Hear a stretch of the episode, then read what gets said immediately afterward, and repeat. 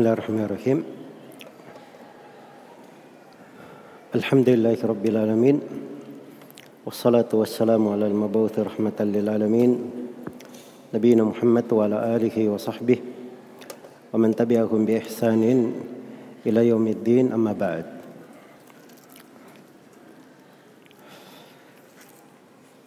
Ini sesi yang ketujuh dari pembahasan akidah para ulama salaf dari uraian Al-Imam Qutaibah Ibn Sa'id Abu Raja Al-Baglani Al-Thaqafi rahimahullahu taala dari silsilah kemilau akidah as-salaf. Kita akan memasuki halaman yang ke-27 dari buku panduan. Keyakinan seputar melihat Allah. Berkata Imam Qutaibah bin Said bin Jamil bin Tarif bin Abdullah Abu Raja Al-Baglani Al-Balkhi Al-Thaqafi rahimahullahu taala. Wa nu'minu bir ru'yati wa tasdiqu bil ahadits allati ja'at an Rasulillah sallallahu alaihi wasallam fi ru'ya haqqun. Kata beliau, dan kami beriman tentang ru'yah, melihat Allah pada hari kiamat. Dan membenarkan hadith-hadith yang datang dari Rasulullah sallallahu alaihi wasallam tentang ru'yah adalah suatu yang hak. Baik. Ini saya poinkan ada tiga pembahasan. Pembahasan yang pertama tentang makna ru'ya. Ru'ya itu ru'ya itu artinya melihat. Hanya saja penggunaan kata ru'ya itu berarti melihat kepada sebagian sudut melihat pada sebagian hal bukan melihat kepada seluruh bukan melihat kepada keseluruhan. Itu cakupan pembahasan ru'yah. Iya. Maka itu sebagian ulama itu membahasakan ketika berbicara tentang ru'yah mereka katakan penetapan ru'yah bila ihatah tanpa ihatah tanpa meliputi dari segala penjuru. Jadi dibedakan antara ru'yah dengan idrak. Idrak. Ini misalnya tembok ini ya. Saya dari sini saya cuma melihat dua sudut saja dari tembok atau dari tiang yang segi empat ini. Tiangnya segi empat. Saya cuma melihat dua sudut. Dua sudut di belakangnya saya tidak lihat. Nah, saya melihat dari sini itu disebut ru'yah. Kalau saya lihat semuanya empatnya itu disebut idrak. Disebut ihatah. Meliputi semuanya ihata dan idrak itu dinafikan dari Allah. Dinafikan dari Allah. Wala yuhitu nabihi ilma. Dan mereka tidak bisa meliput Allah, mengihata Allah pada segala hal. Dan juga Allah berfirman, La tudrikuhul absaru wa huwa yudrikul absara wa huwa latiful khabir. Allah itu tidak diidrak oleh pandangan mata.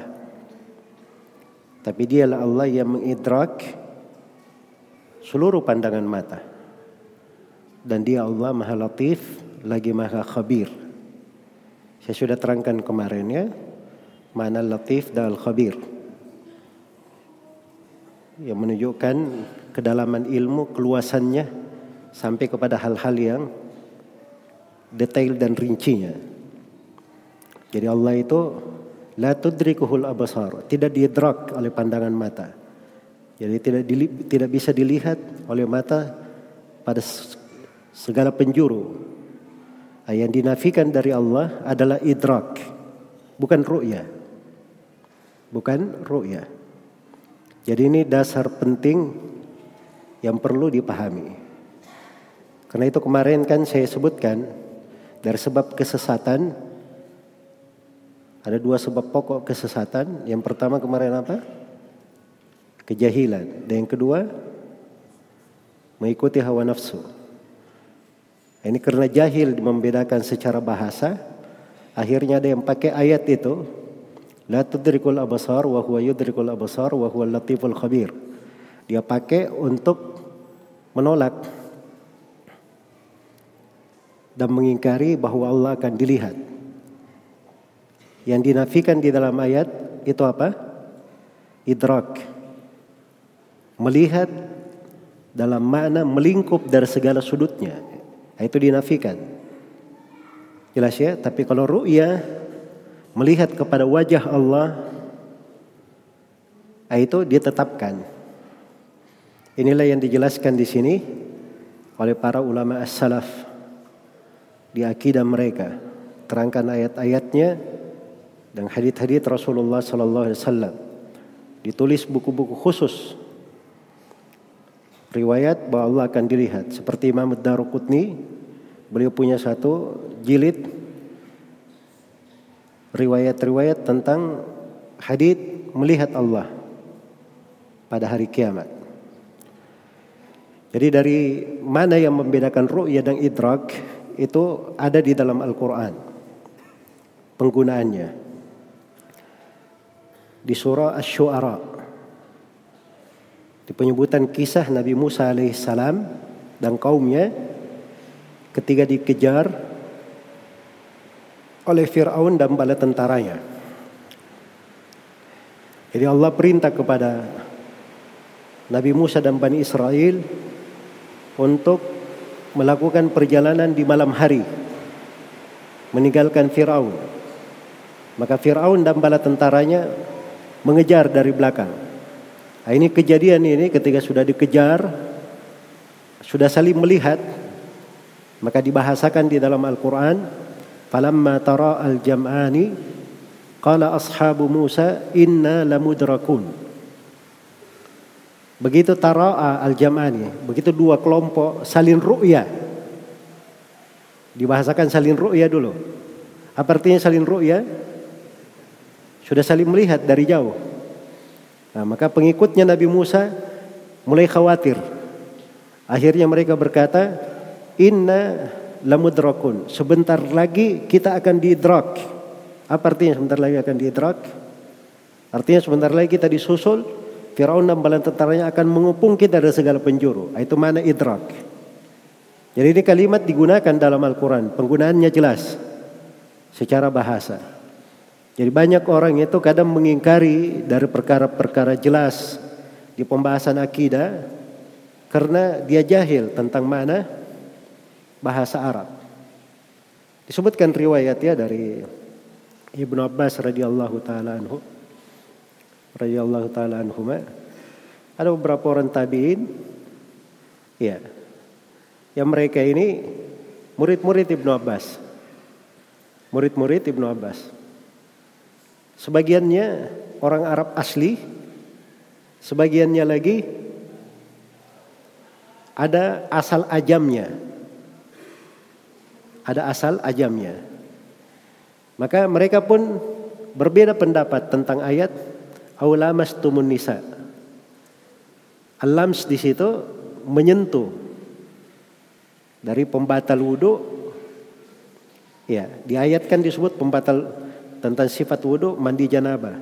Terus disebut pembatal wudhu dan pembatal merupakan mandi junub kan begitu. Nah, di mandi junubnya itu dibahasakan dengan lamastum, menyentuh. Nah, maka murid Ibnu Abbas yang dari Ajam ini itu berkata itu artinya menyentuh pakai tangan. Sedangkan murid Ibnu Abbas yang dari Arab asli itu mengartikan itu artinya hubungan suami istri. Nah, maka datanglah mereka kepada Ibnu Abbas menceritakan perselisihan mereka dalam memahami. Maka Ibnu Abbas pun tersenyum. Ya. Dan beliau berkata yang benarnya ini orang-orang Arab ini yang benar katanya. Jelas ya? Jadi kadang dari sudut bahasa Arab itu Kadang orang melihat oh iya memang dari sudut bahasa memang lams lamas itu bisa bermana menyentuh pakai tangan, bisa bermana hubungan suami istri memang bahasa Arab. Tapi kalau dia orang Arab, dia itu lebih peka terhadap makna bahasa. Lebih peka terhadap makna bahasa. Apalagi kalau dari sudut balago ayat itu tidak cocok ya. Sudah disebut wudhu, mandi janabah, sudah disebut pembatal wudhu, Terus lams ini pembatal apa? Kalau dibilang pembatal wudhu lagi, mana pembatal jenabahnya? Kenapa ada mandi jenabah? Maka ini tidak cocok dari sudut balaga. Ya, makanya Ibnu Abbas tersenyum. Ya. Dan beliau menafsirkan, membenarkan penafsiran orang-orang yang Arab asli. Jelas ya? Jadi maksudnya dalam hal yang ada kemungkinan di bahasa saja, itu ada jiwa bahasa namanya. Jiwa bahasa. Nah, ini orang-orang yang mengingkari ini, banyak orang-orang ajam dari ahlul bidah itu. Asalnya bukan orang Arab, kadang jahil terhadap mana bahasa. Karena itu dia menafsirkan kalimat-kalimat dari perkara perkiraannya sendiri, tidak dikenal di kalangan orang-orang Arab. Makanya dia pakai ayat Allah tidak mungkin dilihat pada hari kiamat. Karena Allah firman, "La tudrikuhul absar wa huwa yudrikul absar wa huwa al-latiful khabir." Datang pula orang Indonesia dia cuma baca terjemahan makna ayatnya. Allah tidak bisa dilingkup oleh pandangan mata, dialah yang melingkup seluruh pandangan mata. Wah ini kalau begitu Allah tidak bisa dilihat. Nah, kayak gitu modelnya, jelas ya. Padahal dia tidak mengerti bahwa idrak itu itu artinya melihat dari segala penjuru. Nah, itu memang dinafikan dari Allah. Tapi kalau melihat wajah Allah, melihat Allah dari satu sudut, ya itu adalah hal yang ditetapkan. Bahkan ayat-ayatnya jelas. Bahkan ada ayat yang terang menerangkan bahwa Allah akan dilihat dengan mata kepala. Akan dilihat dengan mata kepala. Dan ini semuanya ada kaitannya dengan ilmu bahasa. Iya. Baik. Pembahasan yang kedua, keimanan kepada ru'yah. Keimanan kepada ru'yah, mengimani bahwa Allah akan dilihat. Nah, ini dari pembahasan-pembahasan akidah di kalangan ahli sunnah dan dari pokok-pokok keimanan yang sangat agung. Iya. Karena penetapan bahwa Allah Subhanahu wa taala akan dilihat pada hari kiamat itu diterangkan di dalam berbagai ayat Al-Qur'an. Banyak ayat Al-Quran yang menjelaskannya. Cuman memang bahasa-bahasa yang dipakai itu kadang ada yang memahami, kadang ada yang tidak memahami. Iya. Dan telah mutawatir dari Nabi Shallallahu Alaihi Wasallam hadit-hadit yang menjelaskan bahwa Allah Subhanahu Wa Taala akan dilihat pada hari kiamat. Dari ayat Al-Quran yang menunjukkan bahwa Allah akan dilihat pada hari kiamat adalah firman Allah Subhanahu Wa Taala wujuhu yawma idin nadhirah ila rabbiha nadhirah wajah-wajah pada hari kiamat nadhirah berseri-seri. Kenapa dia berseri-seri? Karena dia berbahagia. Itu nadhirah itu menunjukkan kegembiraan di wajah. Kegembiraan di wajah. Iya. An-nadrah Makanya sebagian ulama itu mengatakan bahwa di antara sebab seseorang itu diberi kemuliaan oleh Allah melihat wajah Allah di hari kiamat adalah dia banyak menghafal hadis Rasulullah dan mengajarkannya. Karena mutawatir dari Nabi sallallahu alaihi wasallam beliau bersabda, "Naddarallahu imra'an sami'a maqalati fa wa'aha, fa kama sami'." Parubba muballagin au amin sami. Semoga Allah memberi nadrah, memberi keindahan di wajah seseorang Dia mendengar ucapanku lalu dia hafal. Kemudian dia sampaikan sebagaimana yang dia dengarkan. Nah, ini dipuji nih oleh Rasulullah didoakan keindahan di wajahnya. Dan ini di hari kiamat dikatakan wujuhu yawma idin nadhirah.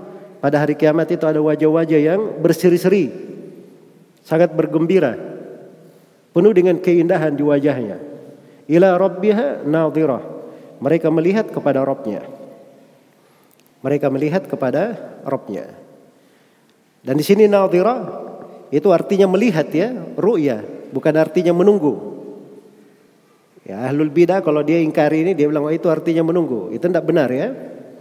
Sebab kalau kata nadar mutaaddi dengan huruf ila itu maknanya adalah melihat. Muayyana bil abasar, melihat dengan mata. Bukan bermana menunggu. Bukan bermana menunggu. Iya. Kalau dia bermana menunggu maka dia itu tidak pakai huruf mutaaddi. Langsung saja. Unduruna naktabis min nurikum. Tunggu kami. Kami akan ambil dari cahaya kami. Tidak ada pakai kata ila atau pakai kata fi. Tapi kalau nadar pakai fi itu artinya tafakkur. Awalam yang duru fi malakutis samawati wal ard. Tidakkah mereka melihat pada kekuasaan Allah di langit dan di bumi? Maksudnya tidakkah mereka tadabbur, tafakkur? Tapi kalau nadara ila seperti di ayat ini, ila rabbiha nadhira, itu maknanya melihat dengan mata. Melihat dengan mata. Itu bahasa Arab. Jelas ya? Itu bahasa Arab. Baik, di antara dalil juga adalah firman Allah Subhanahu wa taala, "Lilladzina ahsanul husna wa ziyada." Bagi orang yang berbuat baik di dunia, maka dia dapat al-husna, mendapat sorga waziyada dan tambahan. Tambahan ini ditafsirkan oleh Rasulullah sallallahu alaihi dan ditafsirkan oleh sejumlah sahabat itu artinya melihat kepada wajah Allah Subhanahu wa taala. Demikian pula ayat lahum ma yasha'una fiha waladaina mazid. Untuk mereka segala yang mereka kendaki dan untuk mereka mazid tambahan. Tambahan di situ melihat kepada wajah Allah Subhanahu wa taala. Makanya penduduk sorga itu ketika mereka sudah masuk ke dalam sorga, iya, sudah masuk ke dalam sorga, maka Allah Subhanahu wa taala berfirman kepada mereka. Allah berfirman kepada mereka, "Turiduna syai'an uzidukum?" Kalian menghendaki sesuatu Aku tambahkan untuk kalian. Maka penduduk sorga berkata, Alam tubayyit wujuhana. Alam tudkhilna al-jannah wa tunjina minan nar. Ya Allah bukankah engkau telah memutihkan wajah-wajah kami? Iya. Dan engkau telah memasukkan kami ke dalam sorga. Dan engkau telah menyelamatkan kami dari api neraka. Maksudnya ini nikmat sudah besar sekali ini. Apalagi nikmat itu untuk ditambahkan kepada kami. Fayakshiful hijab. Maka Allah pun menyingkap tirai. Tersingkap tirai. Fama utu syai'an ahabba ilaihim minan nadar ila rabbihim. Maka tidaklah mereka diberi sesuatu yang lebih mereka cintai daripada melihat kepada wajah Allah. Jadi itu nikmat di dalam sorga yang terbesar. Kemudian Nabi membaca ayat lilladzina ahsanul husna wa ziyada. Bagi orang yang berbuat baik di dunia dia bertauhid, melakukan beriman dan beramal salih, maka dia dapat balasan kebaikan juga yaitu sorga. Disebut al-husna sorga. Wa ziyada dan ada tambahannya melihat kepada wajah Allah Subhanahu wa taala. Semua ayat yang bermakna di dalam Al-Qur'an liqa itu bisa dimaknakan melihat kepada wajah Allah Subhanahu wa taala ru'ya. Iya. Kecuali satu ayat di surah Al-Ahzab itu diartikan ru'ya saja. Kalau di tempat lain liqa bisa ru'ya, liqa bisa bermakna menghadap al-mulaqah dan bisa bermakna ru'ya. ayat-ayat liqa itu. Tapi kalau apa namanya khusus satu ayat di surah Al-Ahzab itu mananya cuma satu. Mananya cuma satu. Mananya adalah melihat kepada Allah dengan mata kepala. Itu khusus satu tempat saja di surah Al-Ahzab. Itu pada firman Allah Subhanahu wa taala, "Tahiyyatuhum yawma yalqawnahu salam." Tahiyat mereka ketika mereka melihat Allah dengan mata kepala mereka, maka diberi salam sambutan untuk mereka, keselamatan untukmu masuk ke dalam sorga. Itu liqa di situ, yauma yalqawnahu itu penafsirannya cuma satu. Hanya ditafsirkan melihat dengan mata kepala. Antum cari di terjemahan makna Al-Quran tidak akan ada yang menerjemahkan melihat dengan pandangan mata. Jelas ya? Sebab dia nggak baca dari penafsiran para ulama seputar ayat dan dibaca dari sudut makna bahasa. Padahal ini dinukil kesepakatan oleh ahli bahasa. Diriwayatkan oleh Ibnu Battah dengan sanad yang kuat kepada Imam ahli bahasa Tha'lab rahimahullah. Beliau berkata bahwa ayat itu tahiyatuhum yawma yalqawnahu salam itu ru'ya bil absar. Dan itu kata beliau tidak ada silam pendapat di kalangan seluruh ahli bahasa Arab. Kenapa? Sebab liqa bertemu dengan kata tahiyah kalau liqa bertemu dengan kata tahiyah, itu maknanya cuma satu. Melihat dengan mata kepala. Melihat dengan mata kepala. Jelas ya? Baik. Maka itu dari dalil yang sangat tegas menunjukkan bahwa Allah Subhanahu wa taala akan dilihat pada hari kiamat. Di antara dalil juga adalah firman Allah Subhanahu wa taala, "Kalla innahum ar-rabbihim yawma idzil lamahjubun." Sekali-sekali tidak Sungguhnya mereka orang-orang kafir pada hari kiamat akan tertirai tidak bisa melihat Allah. Ini kata Imam Syafi'i rahimahullah dan selainnya ayat ini menunjukkan bahwa pada hari kiamat itu ada satu kaum yang tertirai tidak bisa melihat Allah. Dan sebaliknya ada satu kaum tidak tertirai. Mereka bisa melihat Allah dalam bentuk mereka diridhoi untuk melihat Allah Subhanahu wa taala. Baik. Ini beberapa ayat ya dan ada ayat-ayat yang lain di dalam hal ini. Baik. Adapun dari hadis Nabi sallallahu alaihi wasallam Rasulullah sallallahu alaihi wasallam bersabda dalam hadis Jarir bin Abdullah Al-Bajali di riwayat Bukhari dan Muslim Rasulullah pernah melihat bulan di malam purnama Kemudian beliau berkata kepada para sahabatnya, "Innakum satarawna rabbakum kama tarawna al-qamara lailatal badr la tudammuna fi ru'yatihi." Mimnya bisa ditasydid dan bisa tidak ditasydid. Bisa tudammuna dan bisa tudammuna. Dua-duanya bisa. Iya. Cuman saya ketika baca ke sebagian guru saya, beliau kadang memilih riwayat tudamuna. Jadi bisa bermana tudamuna, kalian tidak akan tertirai, tidak terhalangi, dan bisa tudamuna tidak berdesak-desakan. Jadi dua makna. Iya. Jadi kata Nabi Shallallahu Alaihi Wasallam, Innakum satarawna rabbakum. Sesungguhnya kalian akan melihat Rabb kalian. Kama tarawna al-qamar. Seperti kalian melihat bulan. Itu baru kehidupan indah ya. Lihat dari purnama. Maka Nabi mengingatkan kepada para sahabatnya tentang akhirat. Tentang akhirat. Itu seorang yang melihat diberi dari dunia tapi dunia itu menghubungkannya ke akhirat. Itu baru indah namanya. Tapi kalau dia senangnya dunia, keindahan melalaikan dari akhirat, itu yang menjadi masalah. Iya. Punya Rasulullah itu banyak memberikan hubungan-hubungan. Kalian akan melihat Rob kalian sebagaimana kalian melihat bulan di bulan melihat bulan purnama. Bulan purnama itu kalau tampak ada tirai menutupinya? Tidak ada, terang, jelas. Jadi ini tasbih penyerupaan itu adalah tasbih ar-ru'ya bir-ru'ya.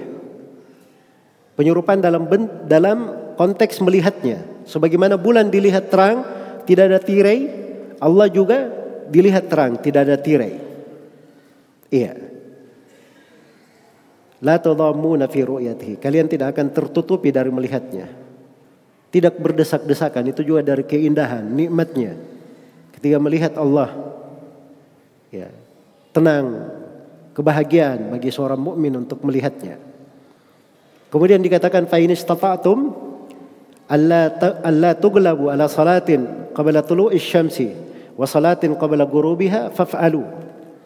Kalau kalian mampu tidak terkalahkan kalian mampu tidak terkalahkan dari solat sebelum matahari terbit dan sebelum matahari terbenam lakukanlah. Ya maksudnya kalau kalian mampu untuk menjaga solat asar dan solat subuh maka lakukan. Nah, di sini beliau terangkan melihat Allah pada hari kiamat itu hal yang besar. Dan meraih hal yang besar itu perlu amalan-amalan besar juga. Maka di antara amalan yang ditunjukkan oleh Nabi selalu menjaga solat subuh dan solat asar pada waktunya sesuai dengan apa yang diwajibkan. Jangan terkalahkan, jangan terlalaikan di dalam hal tersebut. Jelas ya? Dan ini hadis panjang pembahasannya, uraiannya. Ya, saya ingat saya ini hadis pernah saya terangkan ya dalam sebagian ceramah kadang beberapa jam saya cerita untuk hadis ini saya. Karena banyaknya manfaat dan faedah di dalam hadis ini. Termasuk di dalam hadis ini terdapat sebab-sebab isyarat akan sebab-sebab seorang itu bisa melihat Allah Subhanahu wa taala pada hari kiamat. Di antara sebabnya adalah tauhid, mengikuti sunnah Rasulullah Sallallahu Alaihi Wasallam, menjaga, mempelajari ilmu agama, menghafalkannya, menyampaikannya, sholat asar, sholat subuh, dan ada berbagai sebab yang lain, berbagai sebab yang lain. Jadi ru'ya ini itu adalah hal yang kita imani. Karena banyak di dalam hadis Rasulullah sallallahu alaihi wasallam dan ini tidak ada silam pendapat di tengah para ulama as-salaf rahimahullah. Tidak ada yang mengingkarinya kecuali dari kelompok Jahmiyah. Sebagaimana kita akan terangkan nanti beberapa dari ucapan mereka. Baik. Kemudian terakhir di sini membenarkan hadith-hadith tentang ru'ya. Membenarkan hadith-hadith tentang ru'ya. Iya.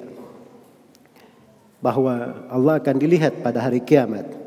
Dan itu telah kita bacakan tadi beberapa hadis dari Rasulullah sallallahu alaihi wasallam tentang hal tersebut. Iya. Dan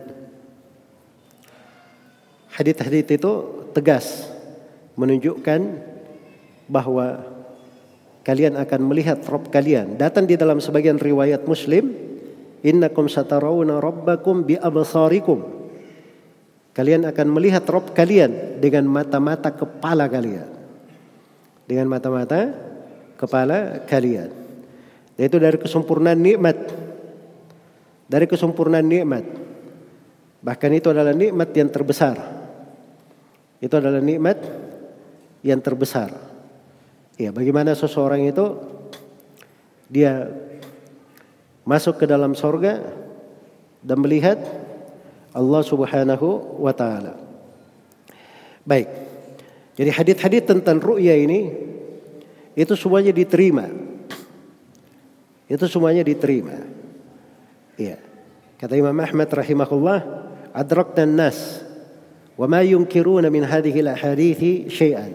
Kami dapati para ulama dan tidak ada seorang pun di antara mereka yang mengingkari sedikit pun dari hadis-hadis ini ahadithur ru'ya tentang hadith-hadith ru'ya. Wa kanu yuhaddithuna biha lal jumlah. Dan mereka menceritakan hadith ini secara global. Wa yumirrunaha ala haliha ghairu munkirina laha wala murtabin.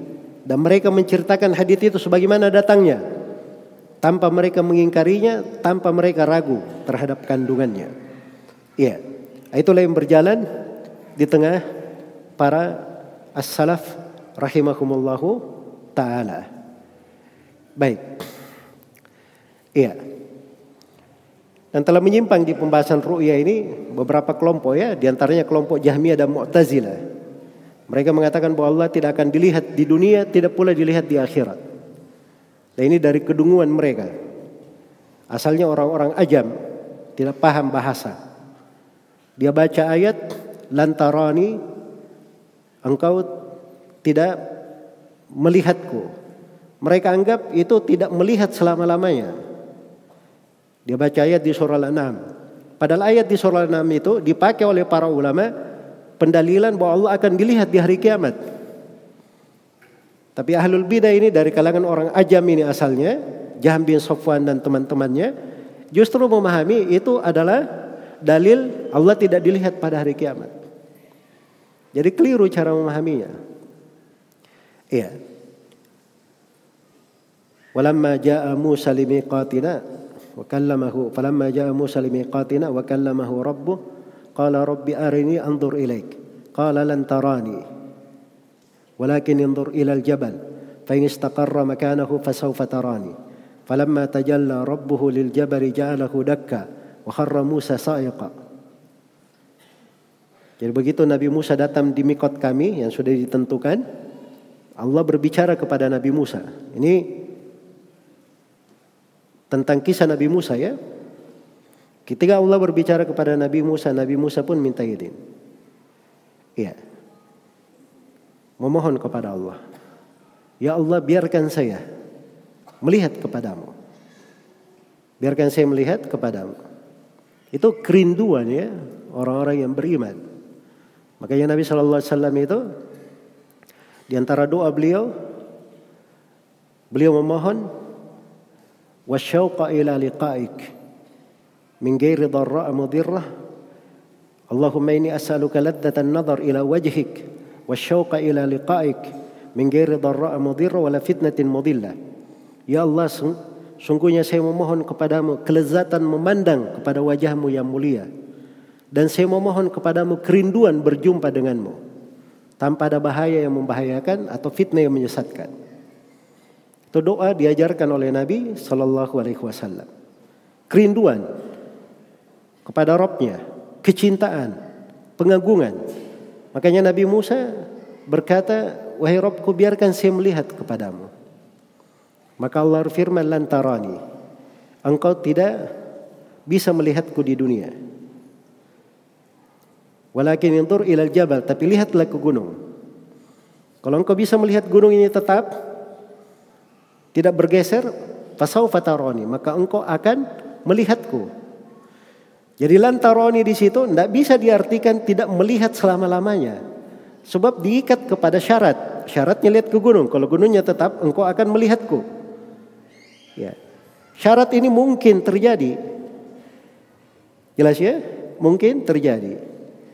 Tapi karena begitu Allah, falamma tajalla rabbuhu lil jabal, begitu Allah menampakkan dirinya ke gunung, itu disebut tajalli. Tajalli itu memperlihatkan. Jelas ya? Jadi kemungkinan ada tegas dalam ayat. Sudah disingkap tirai ke gunung. Tapi gunungnya tidak bertahan di dunia. Ja'ala hudakka, dibuat gunung itu hancur berkeping-keping. Dan Nabi Musa sendiri tersungkur pingsan.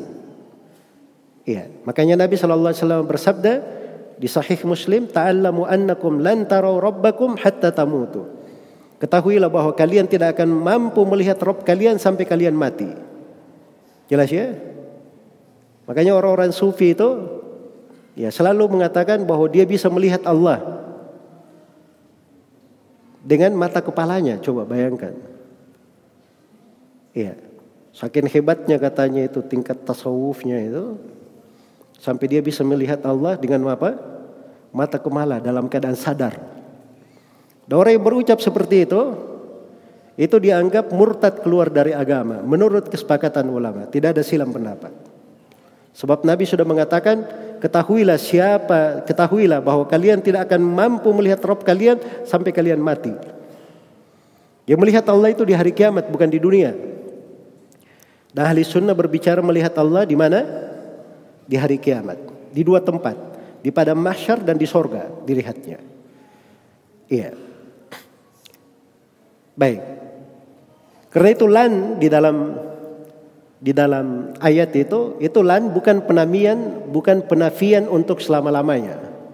Nah, ini juga masalah juga ya untuk belajar bahasa Arab ini.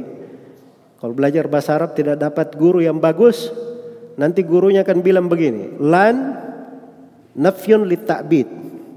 Lan itu penafian untuk selama-lamanya. Kan itu dulu gitu ya. Kita belajar bahasa Arab dulu gitu ya. Ya. Ini masih melekat di ingatan saya itu awal-awal kali belajar. Kalau kamu bilang la tashrab itu tidak minum. Tapi kalau bilang lan tashrab itu tidak akan minum selama-lamanya. Nah, itu keliru ya di dalam memahami. Sebab lan di situ memang betul bernama penafian untuk menegaskan penafian, tetapi bukan selama-lamanya. Karena itu kata Ibnu Malik rahimahullah, Ibnu Malik pakar bahasa, semua orang kenal.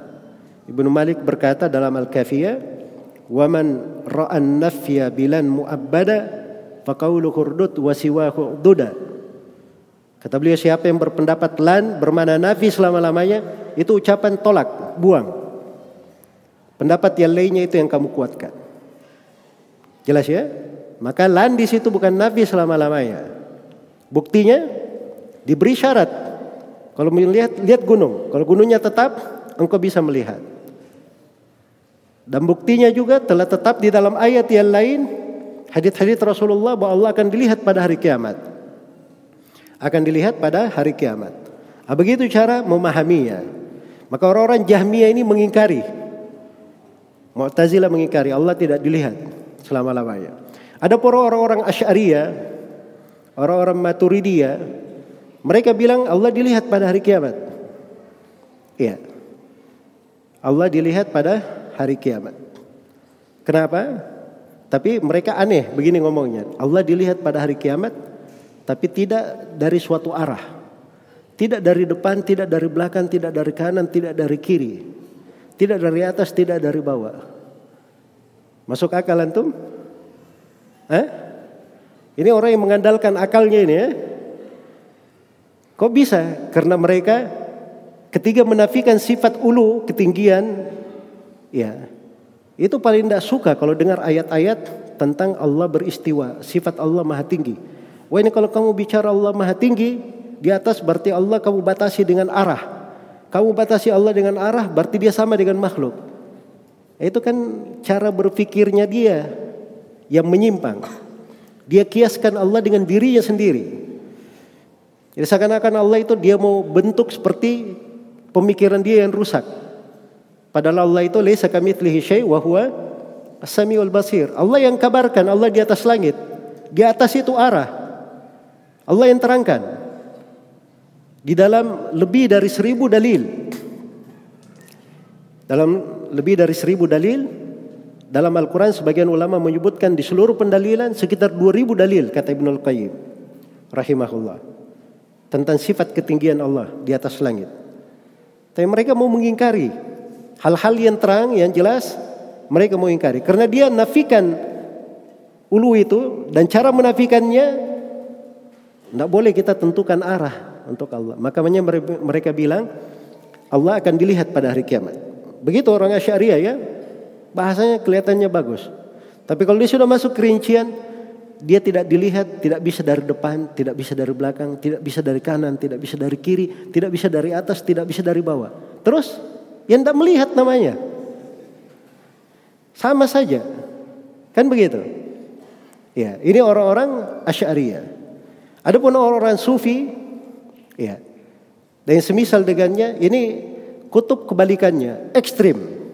Mereka malah beli, berkata mungkin melihat Allah dengan mata kepala di dunia. Orang-orang sufi. Waliyadzubillah.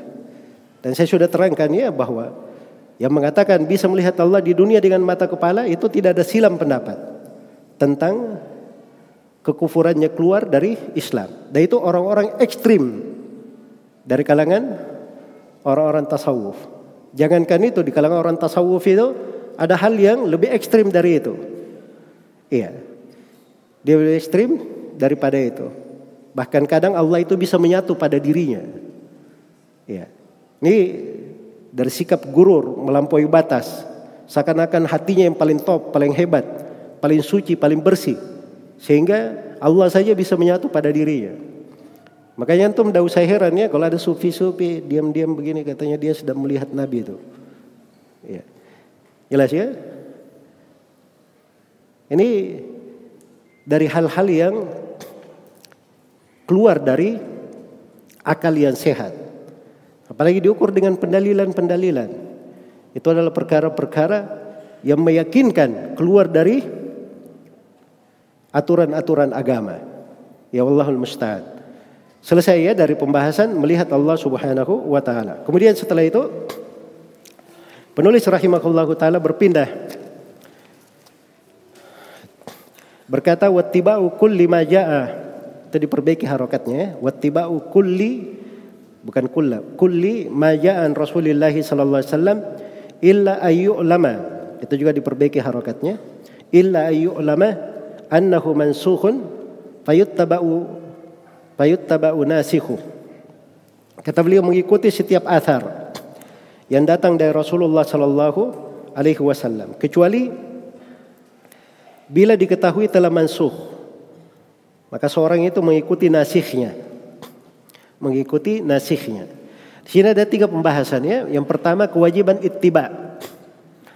Ya, kenapa beliau bahasakan lagi ittiba di sini? Ini setelah beliau membawakan hadit-hadit tentang ru'ya. Haditnya itu muhkam. Tetap. Ya, kewajiban kita pada dalil-dalil yang tetap itu adalah mengikutinya, ittiba. Ittabi'u ma unzila ilaikum min rabbikum wa la tattabi'u min dunihi awliya. Qalilan ma tadhakkarun. Ikutilah apa yang diturunkan dari Rabb kalian, apa yang diturunkan kepada kalian dari Rabb kalian. Dan jangan kalian mengikuti selain daripada itu dari wali-wali. Sangat sedikit di antara kalian yang mengingat. Jadi kita diperintah untuk ittiba mengikuti. Iya. Dan ini sudah berlalu di awal buku ya. Di pertemuan kemarin tentang al-akhdu mengambil segala hal yang datang dari Rasulullah sallallahu alaihi wasallam. Baik. Kemudian yang kedua mengenal nasih dan mansuh. Di dalam ilmu Al-Quran dan hadith itu ada namanya pembahasan nasih dan mansuh. Ya, Allah Subhanahu wa taala Maha memiliki hikmah. Ada kadang sebagian syariat disyariatkan di awal-awal Islam. Setelah itu Allah Subhanahu wa taala ringankan untuk umat Islam. Rahmat dari Allah, diberi keringanan. Makanya uh, hukum yang terakhir datang itu menghapus hukum yang pertama. Hukum yang pertama. Karena itu ada di dalam ayat maupun hadith nasih dan mansuh. Ada yang dahulu datang, ada yang terakhir datang. Yang terakhir datang ini, ini yang tetap hukumnya, dia menghapus hukum nas sebelumnya. Ada dari ayat Al-Quran dan ada dari hadits Rasulullah Sallallahu Alaihi Wasallam. Dalilnya adalah firman Allah Subhanahu Wa Taala, "Manansakh min ayatin au nunsiha nati bi khairin minha au mithliha." Iya. Apa yang kami hapus dari ayat atau kami buat untuk dilupakan, ditinggalkan. Maka kami akan datangkan yang lebih baik darinya atau yang semisal dengannya. Jadi kalau sudah ada dua hukum, maka hukum yang terakhir itu pasti dia lebih baik atau paling tidak dia semisal. Tidak mungkin di bawahnya. Dia lebih baik atau yang semisal dengannya. Itu di antara hikmah. Kenapa ada nasih dan mansuh. Dan ini ilmu tersendiri ya, ada ilmunya. Di pembahasan Al-Quran ada di pembahasan hadith ada. Dan ditulis oleh para ulama buku-buku khusus seputar nasikh dan mansuh. Kalau ada yang nasikh dan mansuh, apa yang dilakukan? Ini pembahasan yang ketiga. Mengambil yang nasikh bila yang mansuh telah tetap dan dimaklumi. Kata beliau il ittiba'u kulli ma Rasulullah sallallahu alaihi wasallam illa yu'lama annahu mansuh. Kecuali kalau diketahui itu sudah mansuh, payut taba'u nasikhu. Maka nasihnya yang diambil diikuti. Nasihnya hukum yang terakhirnya itu yang diambil. Itu yang diikuti. Iya, itu yang diikuti. Makanya dulu itu Aisyah menyebutkan ada ayat-ayat. Ada ayat bahwa tentang mahram sesusuan, mahram sesusuan. Bahwa susuan yang memahramkan itu 10 kali menyusu. Itu ada ayatnya dulu. Setelah itu ayatnya dihapus. Hukumnya juga dihapus. Dan yang tersisa hukum baru. Tapi bukan ayat lagi. Hanya di dalam hadits Nabi. Hukum barunya lima kali menyusu itu sudah cukup memahramkan. Itu hukum baru. Jelas ya? Maka itu contoh nasikh dan mansuh. Hukum yang lama yang 10 tidak diikuti lagi. Yang diambil hukum yang baru. Ukurannya berapa kali menyusu? Lima kali menyusu. Jelas ya? Demikian seterusnya. Dan ini pembahasan banyak ya. Contoh-contohnya sangat banyak sekali. Kemudian setelah itu penulis rahimahullah taala menjelaskan tentang keyakinan tentang alam barzakh di halaman 29 dari buku panduan. Kata beliau wa adabul qabri haqqun. Dan adab kubur adalah hak. Ini saya poinkan di sini dua pembahasan. Pembahasan pertama keimanan kepada alam kubur. Iya. Keimanan kepada alam kubur atau alam barzakh. Ini ada dua kata ya perlu dipahami di sini. Pertama adabul qabr. Disebut adabnya. Apa di kubur itu cuma ada adab saya Hah? Cuma ada siksaan saja di kubur. Tidak ada kenikmatan? Jawabannya ada, kenikmatan juga ada. Tapi kenapa disebut adab kubur saya? Karena kebanyakan ahlul bidah mengingkari tentang adab ini. Jelas ya? Baik itu satu. Yang kedua, kubur. Kubur itu apa artinya kubur? Hah? digalikan tanah, setelah itu dia ditutup, disimpan di bawah bumi, ditutup dengan tanah. Itu dikubur namanya. Apakah dibelah begini atau dilahat, yang penting dikubur. Iya. Muncul pertanyaan, bagaimana dengan orang yang mati tapi tidak pernah dikubur? Dimumikan, dibakar, atau ditelan oleh binatang buas. Tenggelam hancur badannya. Itu tidak dikubur. Dia kena nggak ini? Adab kubur kenikmatan kubur. Jawabannya ya tetap tidak dia lepas makanya bahasa umumnya itu ada bahasa lebih umum dari itu namanya alam barzakh namanya apa alam barzakh iya barzakh itu kehidupan Dibahasakan kubur itu membabi taglib dari sudut kebanyakan. Mayoritas umat manusia itu kalau mati dikubur. Di agama kita itu sudah pasti. Di agama orang Yahudi, orang Nasara itu kebanyakannya mereka berprinsip dikubur. Jadi kalau ada yang tidak dikubur begitu, itu aneh-aneh itu di agama mereka. Jelas ya? Dan kebanyakan penganut agama itu dikubur. Ya, makanya dipakai babut taglib. Dal kabar di sini bermana al-makbur. Al-kabar bermana apa? Al-makbur, yang terkuburkan. Sebab itu maksudnya adab orang yang dikubur di bawah, bukan kuburannya yang disiksa, tapi orang yang apa? Orang yang terkubur. Baik, setelah kita pahami ini ayat-ayat atau dalil-dalil yang menunjukkan adanya kehidupan alam barzakh itu datang di dalam Al-Qur'anul Karim dan datang di dalam hadith-hadith Rasulullah sallallahu alaihi wasallam. Iya. Banyak ayat yang terkait dengan hal tersebut. Di antara ayat-ayat tersebut adalah firman Allah Subhanahu wa taala tentang seorang apabila dia sudah meninggal, ruhnya keluar, maka muncullah penyesalan. Sebutkan di surah Al-Mu'minun, hatta idza jaa ahadakumul maut qala rabbi rji'un a'malu salihan fima tarak kalla innaha kalimatun huwa qailuha wa min waraihim barzakhun ila yaumi yub'atsun sampai ketika datang kematian kepada salah seorang di antara mereka. Kematian sudah datang ya. Maka yang mati ini berkata, Rabbir jion, wahai Rabbku kembalikanlah saya. Itu semuanya akan menyesali. Seorang mukmin dia juga minta dikembalikan supaya bisa beramal solih lebih banyak lagi. Jadi kalau mukmin saja seperti itu, apalagi selain selain mukmin. Iya. Nasallallahu alaihi maka dia berkata, "Qala rabbirji'un." Wahai Rabbku kembalikanlah. Iya.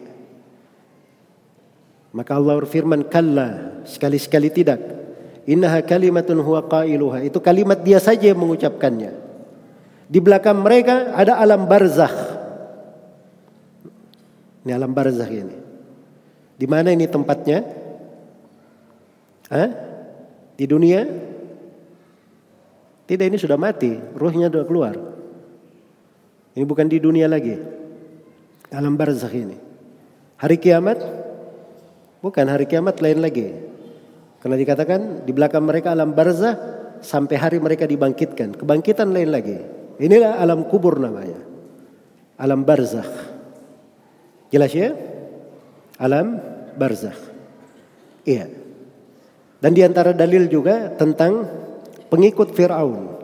Dikatakan di surah Ghafir, وحاق بآل فرعون سوء الحساب وحاق بآل فرعون سوء العذاب dan pengikut Fir'aun pun ditimpa oleh siksaan. An-naru yu'raduna 'alaiha guduwa wa ashiya. Neraka ditampakkan pada mereka pagi dan petang. Di mana ini ditampakkan neraka pagi dan petang? Di dunia sudah mampu semua Firaun dan bala tentaranya.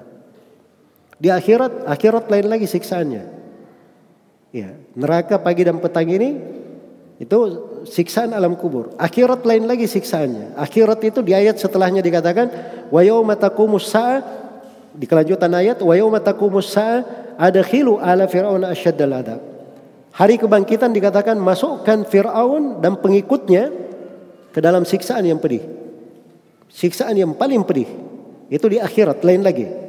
Maka ini penjelasan api ditampakkan pagi dan petang. Ini di mana ini? Ini alam barzakh. Karena Fir'aun dan pengikutnya tidak ada yang selamat jasadnya.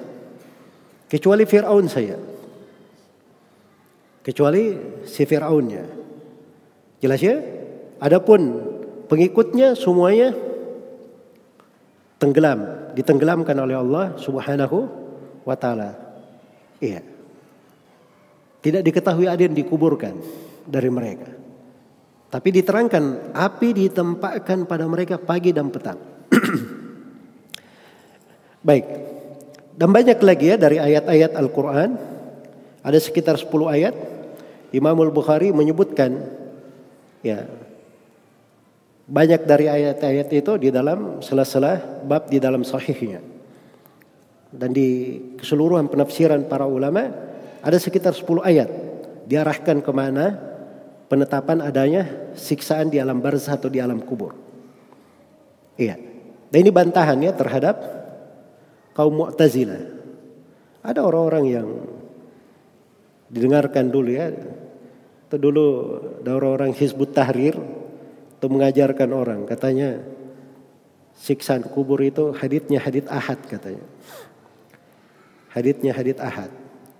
Karena itu kita tidak usah percaya. Ya. bahasanya itu gampang sekali ya. Haditnya hadit apa? Ahad. Kayak ahli hadit nomor satu saja.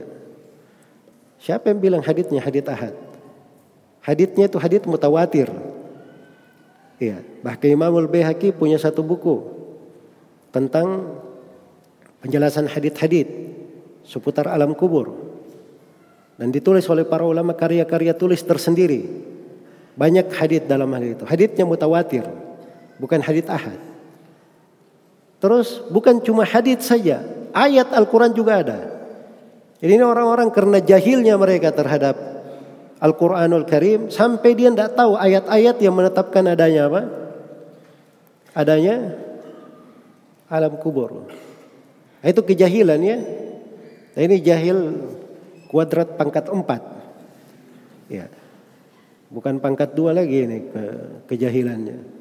Ini dari akar kejahilan-kejahilan yang seperti ini, ini yang menyebabkan jatuh di dalam kesesatan-kesesatan, waliyadzubillah di dalam berfikir. Baik. Selesai dari pembahasan keimanan kepada alam kubur. Kemudian dikatakan di sini adab kubur itu adalah hak benar adanya. Ini pembahasan yang kedua ya. Kenikmatan dan adab di alam kubur. Ada adab dan ada kenikmatan. Karena itu Nabi Shallallahu Alaihi Wasallam pernah melalui dua orang sedang dikubur atau dua orang dalam melalui dua kuburan. Lalu Nabi berkata, "Innahuma la yu'adzaban." Dua orang ini sedang disiksa. Wa ma yu'adzabani fi kabir. Tidaklah mereka disiksa karena suatu hal yang besar. Maksudnya suatu hal yang besar untuk ditinggalkan. Iya. Tapi dosanya itu besar di sisi Allah. Karena itu datang dalam sebuah riwayat bala innahuma bala innahuma kabir. Ketahuilah bahwa itu sangat besar. Jadi yang pertama ini kalau dia buang air kecil, dia tidak beristinja. Tidak berbersih. Dan yang kedua, dia kerjanya namimah, mengadu domba. Kerjanya namimah dan apa? Mengadu domba. Dengar pembicaraan dari si A, dia nukil kepada si B, supaya retak hubungan antara A dan B ini. Nah, itu disebut namimah. Iya. Dan itu termasuk dari dosa besar. Ini dua orang disiksa ya di dalam hal tersebut. Dan Syah di dalam penjelasan tentang kisah hamba itu ketika keluar ruhnya ke mana dia pergi ke langit, kemudian bagaimana dia dikubur dan diterangkan bagaimana seorang mukmin dikuburnya dan bagaimana seorang kafir, sebagian riwayat seorang munafik, sebagian riwayat lagi seorang yang fajir di dalam kubur. Itu dijelaskan di dalam berbagai riwayat. Tapi hadit-haditnya panjang sekali ya, hadit-haditnya panjang di dalam hal tersebut. Ya, karena itulah penetapan adanya adab dan kenikmatan di kubur itu adalah hal yang ditetapkan oleh ahli sunnah. Baik, setelah itu penulis rahimahullahu taala di sini masih menyebut kesepakatan para ulama. Kata beliau wal mizanu haq di halaman 30 keyakinan seputar timbangan. Wal mizanu haq dan timbangan itu adalah hak benar adanya. Iya. Ini beliau sekarang masuk berbicara tentang timbangan. Al-mizan. Dan itu adalah hak. Saya poinkan dua pembahasan di sini. Yang pertama keyakinan akan adanya timbangan pada hari kiamat. Iya. Karena Allah Subhanahu wa taala berfirman, "Wal waznu yawma idinil haq." Faman thaqulat mawazinuhu faulaika humul muflihun wa man khaffat mawazinuhu faulaika alladziina khasiru anfusahum. Timbangan pada hari itu, pada hari kiamat adalah hak benar adanya. Siapa yang berat timbangannya, maka mereka lah orang-orang yang beruntung. Dan siapa yang ringan timbangannya, maka mereka lah orang-orang yang merugi. Orang-orang yang merugi. Dan di antara dalil yang menegaskan tentang adanya timbangan adalah firman Allah Subhanahu wa taala wa nadha'u al-mawazin al-qist li yaumil qiyamah fala tudlamu nafsun syai'a dan kami letakkan timbangan keadilan pada hari kiamat maka tidak ada satu jiwa pun yang terdolimi jadi ada timbangan dan itu ditetapkan di dalam berbagai hadis dan kita akan uraikan sebagian dari ayat-ayat yang lain dan hadis-hadis Rasulullah di pembahasan timbangan bersama dengan pembahasan yang kedua ini.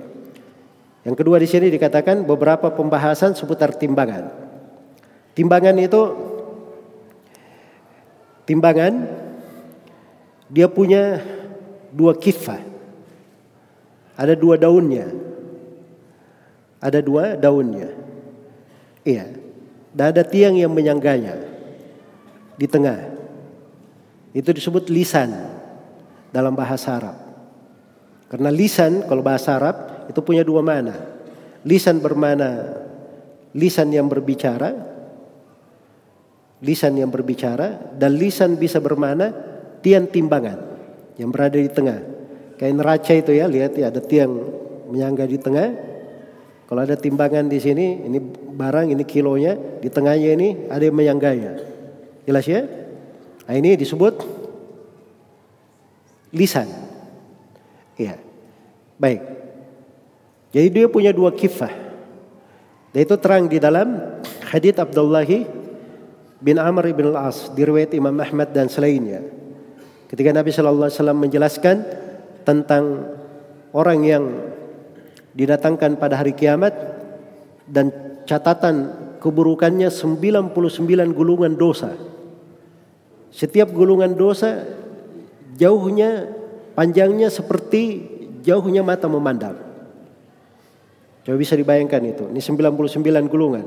Satu gulungan kalau dihamparkan itu jauhnya sejauh mata memandang. Itu bisa berapa kilo itu? Sejauh mata memandang. Kalau antum mau tahu sejauh mata memandang kayak gimana, pergi aja di pinggir laut sana. Lihat sejauh mata memandang ukur dengan meter berapa itu? Sejauh mata memandang. Maksudnya ini jarak jauh sekali. Ini 99 gulungan dosa. Nasallallahu alaihi wasallam. Itu kejelekannya, keburukannya. Iya. Tanyakan kepadanya, apa ada yang keliru di sini malaikatku mencatat? Maka orang yang berjawab, tidak ya Allah, semuanya benar. Ya. Apakah kamu punya kebaikan? Kata orang yang tidak ya Allah. Allah berfirman bahkan kamu punya kebaikan di sisi kami. Hari ini tidak ada yang dizalimi. Maka dikeluarkan kebaikannya hanya sebuah kartu Tertulis syahadat asyhadu an la ilaha illallah wa anna muhammadar rasulullah. Maka ditimbanglah 99 gulungan dosa disimpan di kifah di satu daun timbangan. Kemudian kartu ini ditimpan di daun timbangan yang lainnya. Ya, begitu tertimbang ternyata 99 gulungan dosa ini terhempas ke atas. Dan satu kartu ini lebih berat lebih berat. Jelas ya? Ini menunjukkan bentuk timbangan. Iya. Dan itu hakiki. Itu hakiki. Karena itu bahasa di dalam ayat wa nadha'ul mawazin al-qista liyaumil qiyamah. Kami letakkan timbangan keadilan. Kata diletakkan. Itu berarti hakiki. Ya. Timbangan itu jumlahnya berapa? Sebagian ulama berkata satu saja timbangan itu. Dan yang berkata banyak timbangan. Sebab dibahasakan dalam ayat Al-Mawazin. Dan ini dua pendapat, dua-duanya punya sudut kekuatannya. Walaupun lebih lahir bahwa timbangan itu jumlahnya banyak. Sebab kalimat naba'u kami meletakkan Al-Mawazin. Kata meletakkan itu hakikat ya pada peletakan. Iya. Adapun ayat misalnya faman thaqulat mawazinuhu nah, di situ mungkin saja dijama dilihat karena banyaknya yang ditimbang. Tapi kalau di ayat itu tadi tidak itu menunjukkan banyak. Iya. Terus apa yang ditimbang? Yang ditimbang itu kadang amalan solihnya. Dan itu kebanyakan ayat-ayat dan hadit-hadit iya. Kadang amalan solihnya. Kadang satu amalan soleh itu luar biasa ya. Kalimatani. khafifatani kalimatani khafifatani ala lisan thaqilatani fil mizan habibatani ila rahman. Subhanallahi wa bihamdi subhanallahil azim. Hadits Abu Hurairah diriwayat Bukhari dan Muslim. Rasulullah sallallahu alaihi wasallam bersabda ada dua kalimat. Sangat ringan diucapkan oleh lisan. Sangat berat di timbangan Allah. Dan dua kalimat ini sangat dicintai oleh Allah itu kalimat subhanallah wa bihamdi subhanallahil azim. Ini dua kalimat ya, tapi berat di timbangan. Ya. Dan di dalam hadis Abu Malik Al-Asy'ari yang diriwayatkan oleh Imam Muslim, Rasulullah sallallahu alaihi wasallam bersabda, "Walhamdulillahi tamlaul mizan." Kalimat alhamdulillah itu pahalanya memenuhi timbangan. Kadang satu kalimat bisa memenuhi timbangan. Dari kalimat alhamdulillah. Dikir itu. Baik. Dan ini menunjukkan kepada kita ya bahwa untuk memperberat timbangan itu ada namanya amalan-amalan yang memperberat timbangan. Dan juga hati-hati ada amalan yang bisa menyebabkan seorang itu timbangannya hilang, beratnya hilang, bahkan tidak dianggap sama sekali. Fala nuqimu lahum yaumal qiyamati wazna. Iya. Jelas ya? Makanya itu perlu dipahami dan ini perlu dikaji ya secara mendalam tentang apa-apa yang memperberat timbangan itu. Dan di sini pentingnya belajar tauhid, belajar akidah. Karena kelurusan akidah itu dari sebab pokok yang memperberat timbangan. Makanya lihat itu tadi itu kalimat syahadat, cuman kartu. Tapi itu akidah dia di situ. Bagaimana bisa kartu ini lebih berat daripada 99 gulungan catatan dosanya. Itu adalah sebuah motivasi untuk kita semua. Bagaimana harusnya kita mendalami pembahasan-pembahasan akidah itu. Karena itu adalah pokok yang memperberat timbangan. Baik. Jadi yang ditimbang itu kadang amalan soleh, itu satu. Kadang yang ditimbang catatan amalan, catatannya. Itu tadi hadit kartu, saya sudah terangkan. Dan yang ketiga kadang ditimbang orangnya langsung ditimbang. Ya. Kayaknya Ibnu Mas'ud itu dilihat oleh Nabi Shallallahu Alaihi Wasallam kakinya, kaki beliau agak agak cacat ya. Ya. Makanya kalau beliau menyingkap betisnya, kadang sebagian sahabat tersenyum kepada Ibnu Mas'ud. Ya, maka Nabi SAW berkata, tahukah kalian bahwa betis Ibnu Mas'ud ini itu lebih berat di timbangan Allah dari gunung Uhud. Lebih berat dari gunung Uhud.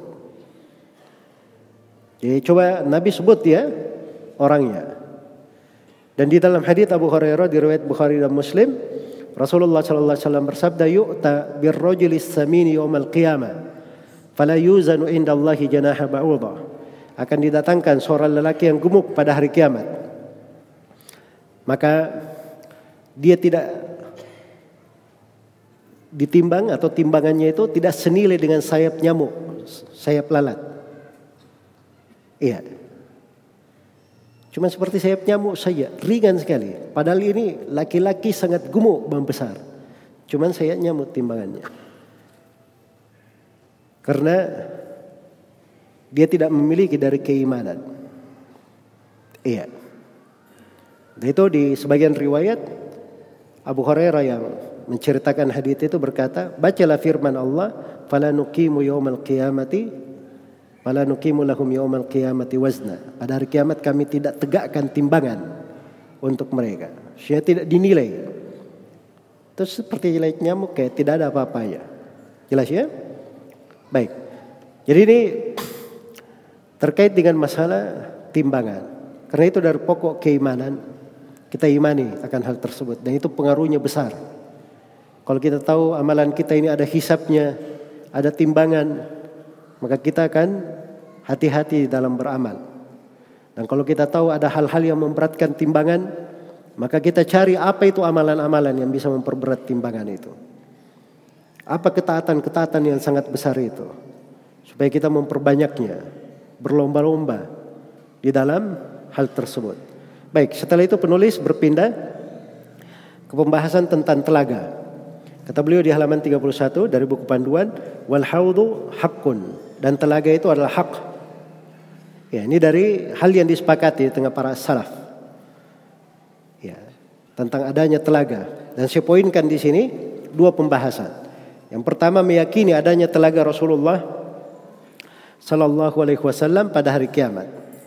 Meyakini adanya telaga Rasulullah Sallallahu Alaihi Wasallam pada hari kiamat. Iya. Dan itu datang di dalam hadit-hadit yang sangat banyak. Mutawatir. Iya.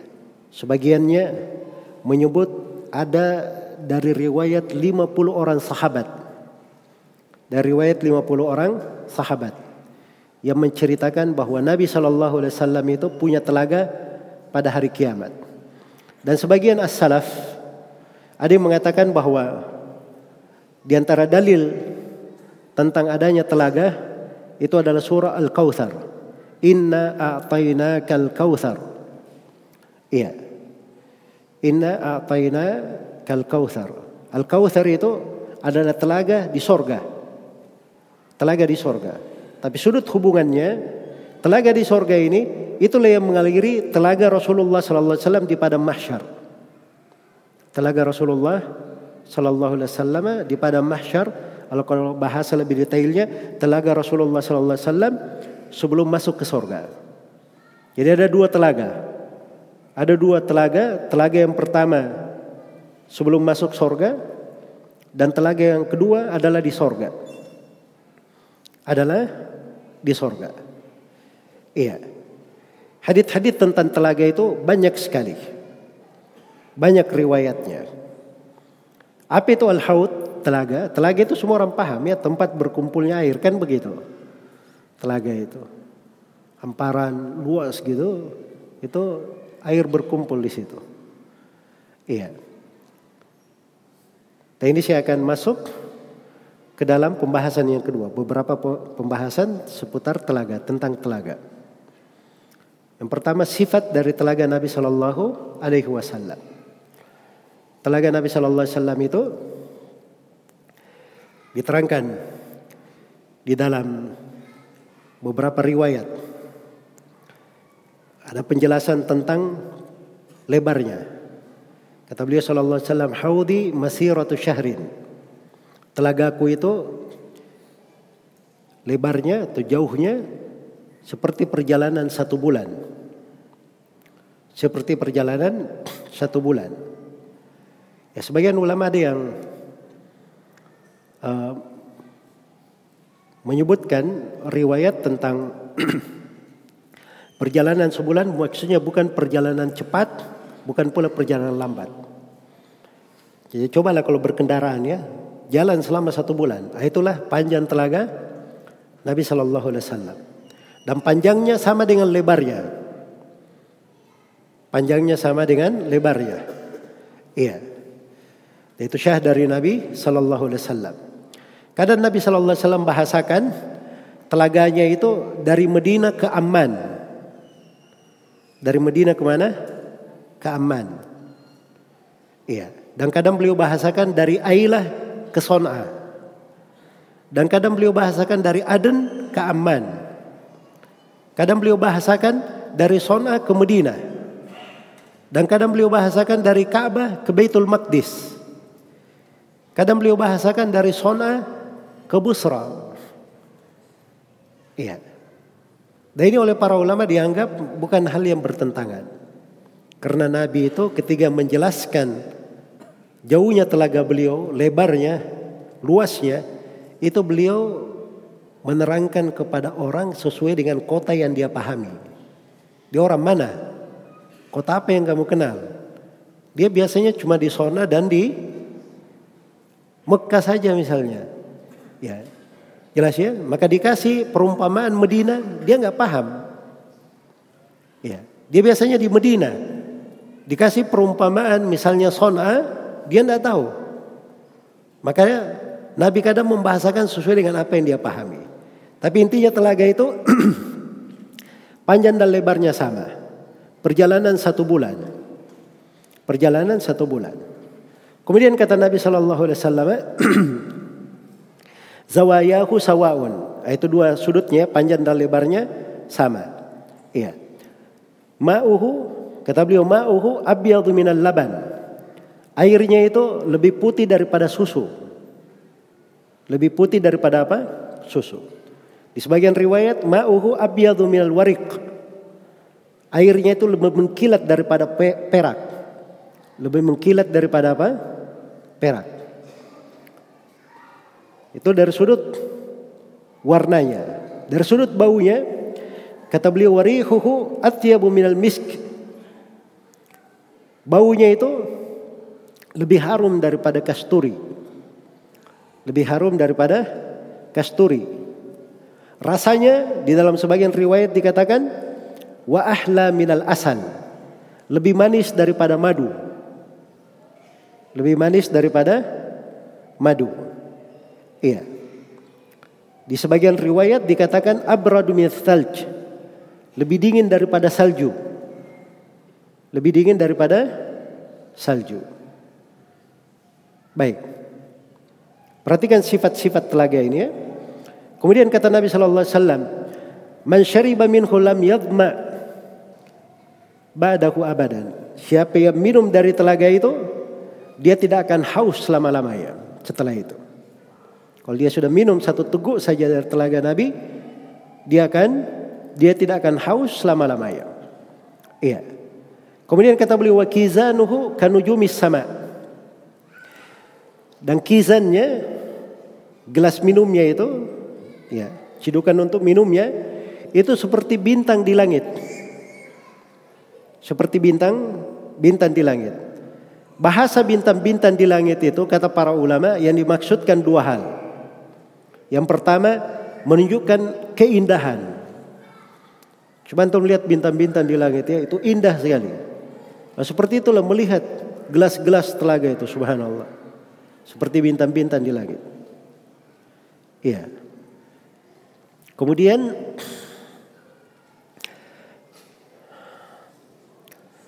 seperti bintang-bintang di langit Kemudian yang kedua, perumpamaan seperti bintang-bintang di langit itu kata para ulama itu menunjukkan nikmatnya minum dari telaga. Sebab orang minum dari telaga itu tidak perlu desak-desakan. Tidak perlu ngantri. Ini karena gelasnya terbatas, antri dulu. Tidak. Dia bisa minum, ambil gelas mana saja, saking banyaknya. Kenikmatan sempurna. Minum dari telaga Nabi Shallallahu Alaihi Wasallam. Baik. Jadi itu tentang sifat-sifat telaga Rasulullah Sallallahu Alaihi Wasallam. Pembahasan yang ketiga, telaga ini tempatnya di mana? Inilah letak silam pendapat di tengah para ulama. Ada yang mengatakan itu di padang mahsyar. Di padang mahsyarnya kapan? Sebelum syafaat atau setelah syafaat? Itu silam pendapat juga. Dan pendapat yang kedua ada yang mengatakan telaga itu setelah melewati jembatan ada telaga. Iya. Dan pendapat yang lebih dekatnya bahwa telaga itu di padang mahsyar. Dan itu sebelum syafaat. Karena telaga ini itu adalah dari tanda pertolongan Allah terhadap para nabi dan para rasul. Karena para nabi dan para rasul itu akan selalu ditampakkan kebenarannya oleh Allah di dunia dan di akhirat Inna lanansuru rusulana walladzina amanu fil hayatid dunya wa yawma yaqumul ashhad. Sungguhnya kami akan menolong para rasul kami dan orang-orang yang beriman di kehidupan dunia dan di hari kiamat tatkala saksi-saksi berdiri memberi persaksian. Akan ditolong. Dan setiap nabi itu punya telaga. Syah di dalam hadis dikuatkan oleh Syekh Al-Albani rahimahullah, setiap nabi punya telaga. Iya. Dan setiap umat hanya minum dari telaga nabinya masing-masing. Hanya minum dari telaga nabinya masing-masing. Maka di situlah tampak kebenarannya para nabi. Setiap orang akan mencari nabinya. Iya. Nada menyeberang-nyebrang. Ini umat Nabi Muhammad nyebrang ke telaganya Nabi Musa. Umat Nabi Musa nyebrang ke telaganya Nabi Isa. Tidak ada. Semuanya mencari nabinya masing-masing. Baik. Jadi itu yang lebih dekatnya ya di posisi sebelum hari kiamat atau sebelum syafaat al-udma itu karena di situlah tampak manusia dikumpulkan di padang mahsyar.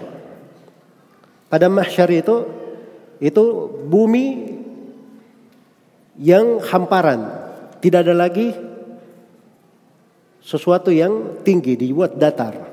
Bumi yang telah diganti, langit juga sudah diganti. Yawma tubaddalul ardu ghairal ardi was samawat. Hari tatkala bumi diganti selain dari bumi yang ada dan langit diganti selain dari langit yang ada. Iya.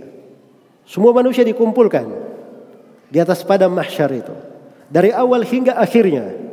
Dari Nabi Adam sampai manusia yang paling terakhir. Semuanya dikumpulkan di situ. Matahari didekatkan di atas kepala. Hanya sejarak satu mil Mil itu ada dua penafsiran. Ada yang mengatakan mil bermana jarak. Jarak mil yang dikenal. Iya. Sekitar 1,7 kilo atau 1,8 kilo. Terus ada yang mengatakan bahwa mil itu adalah tinggi seperti jarum, satu jarum. Satu jarum itu sekitar satu jengkal.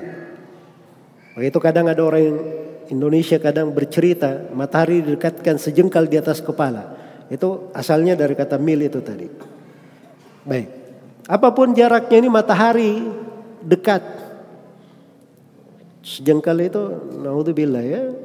Apalagi kalau eh, demikian pula kalau dia satu mil jarak itu juga dekat. Ini saja matahari dengan jarak yang sangat jauh kita berada di siang hari luar biasa kita menderita di bawahnya. Hari kiamat satu harinya ke khamsina alfisana. Khamsina alfasana. Seperti 50 ribu tahun. Dan di dalam Al-Quran disebut ada satu hari seperti seribu tahun. Dan ada satu hari seperti 50 ribu tahun. Iya. Maka manusia pun waktu itu luar biasa paniknya di hari itu. Maka di situ tampak ya kalau telaga di posisi itu, itu kelihatan. Bagaimana pertolongan untuk orang-orang yang beriman.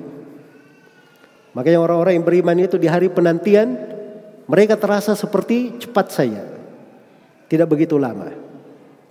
Iya. Baik. Jadi itu di antara dalil-dalil sudut-sudut yang menguatkan bahwa telaga ini letaknya di padang mahsyar. Kemudian pembahasan berikutnya di telaga ini ada orang-orang yang diusir dari telaga. Orang-orang diusir dari telaga Rasulullah sallallahu alaihi wasallam. Iya. Kata beliau ana faratakum alal haud. Saya akan menunggu kalian di telaga. Kata beliau wal yurfa'anna ma'i rijalun minkum. Iya akan diangkat nanti padaku orang-orang thumma yuhtalajna duni. Kemudian setelah itu mereka dipisahkan dari saya. Sebagian riwayat mereka diusir dari telaga. Maka saya berkata umatku umatku. Ya maka fayuqal dikatakan kepada Nabi Muhammad sallallahu alaihi wasallam innaka la tadri ma ahdathu ba'dak. Sungguhnya engkau Nabi Muhammad tidak mengetahui apa yang mereka ada-adakan setelahmu. Jadi ini penegasannya ada orang-orang yang diutis, diusir dari telaga. Dan yang diusir dari telaga itu ada dua golongan. Golongan yang pertama yang bukan umat Nabi Muhammad. Itu pasti diusir dari telaga Nabi Muhammad. Golongan yang kedua dari umat beliau diusir. Dan sifat dari umat beliau yang diusir ini ada sifatnya di sini. Innaka la tadri ma ahdathu ba'dak. Al-ihdath. Mereka mengada-adakan perkara baru setelah Nabi Muhammad sallallahu alaihi wasallam. Kata para ulama, mengadakan perkara baru itu mencakup tiga hal. Hal yang pertama, orang yang murtad keluar dari agama. Itu satu. Pasti diusir dari telaga. Dan orang yang kedua adalah orang yang berbuat bid'ah.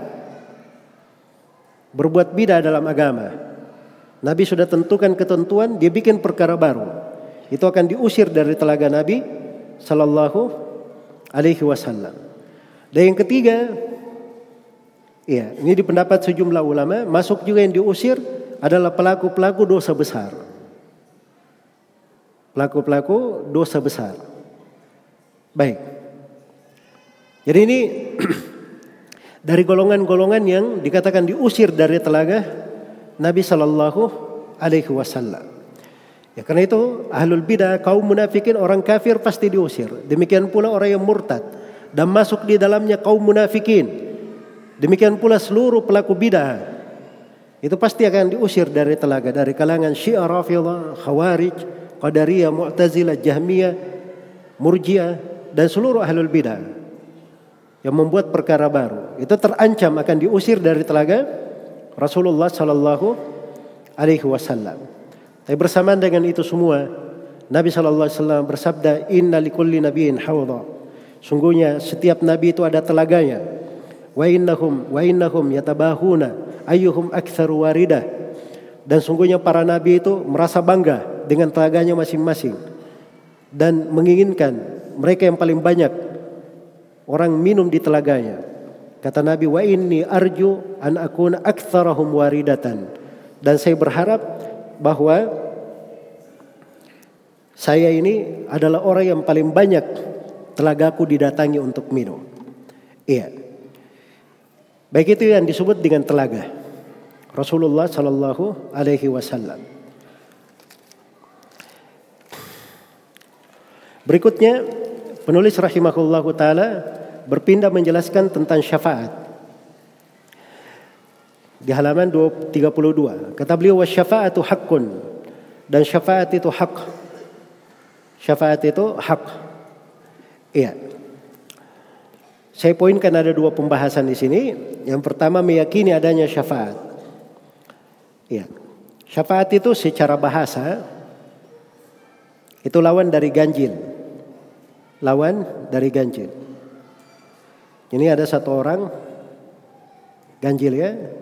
Terus dia dapat teman. Jadilah dia genap. Temannya ini menguatkan dia. Nah, itu disebut syafaat namanya. Sebut syafaat.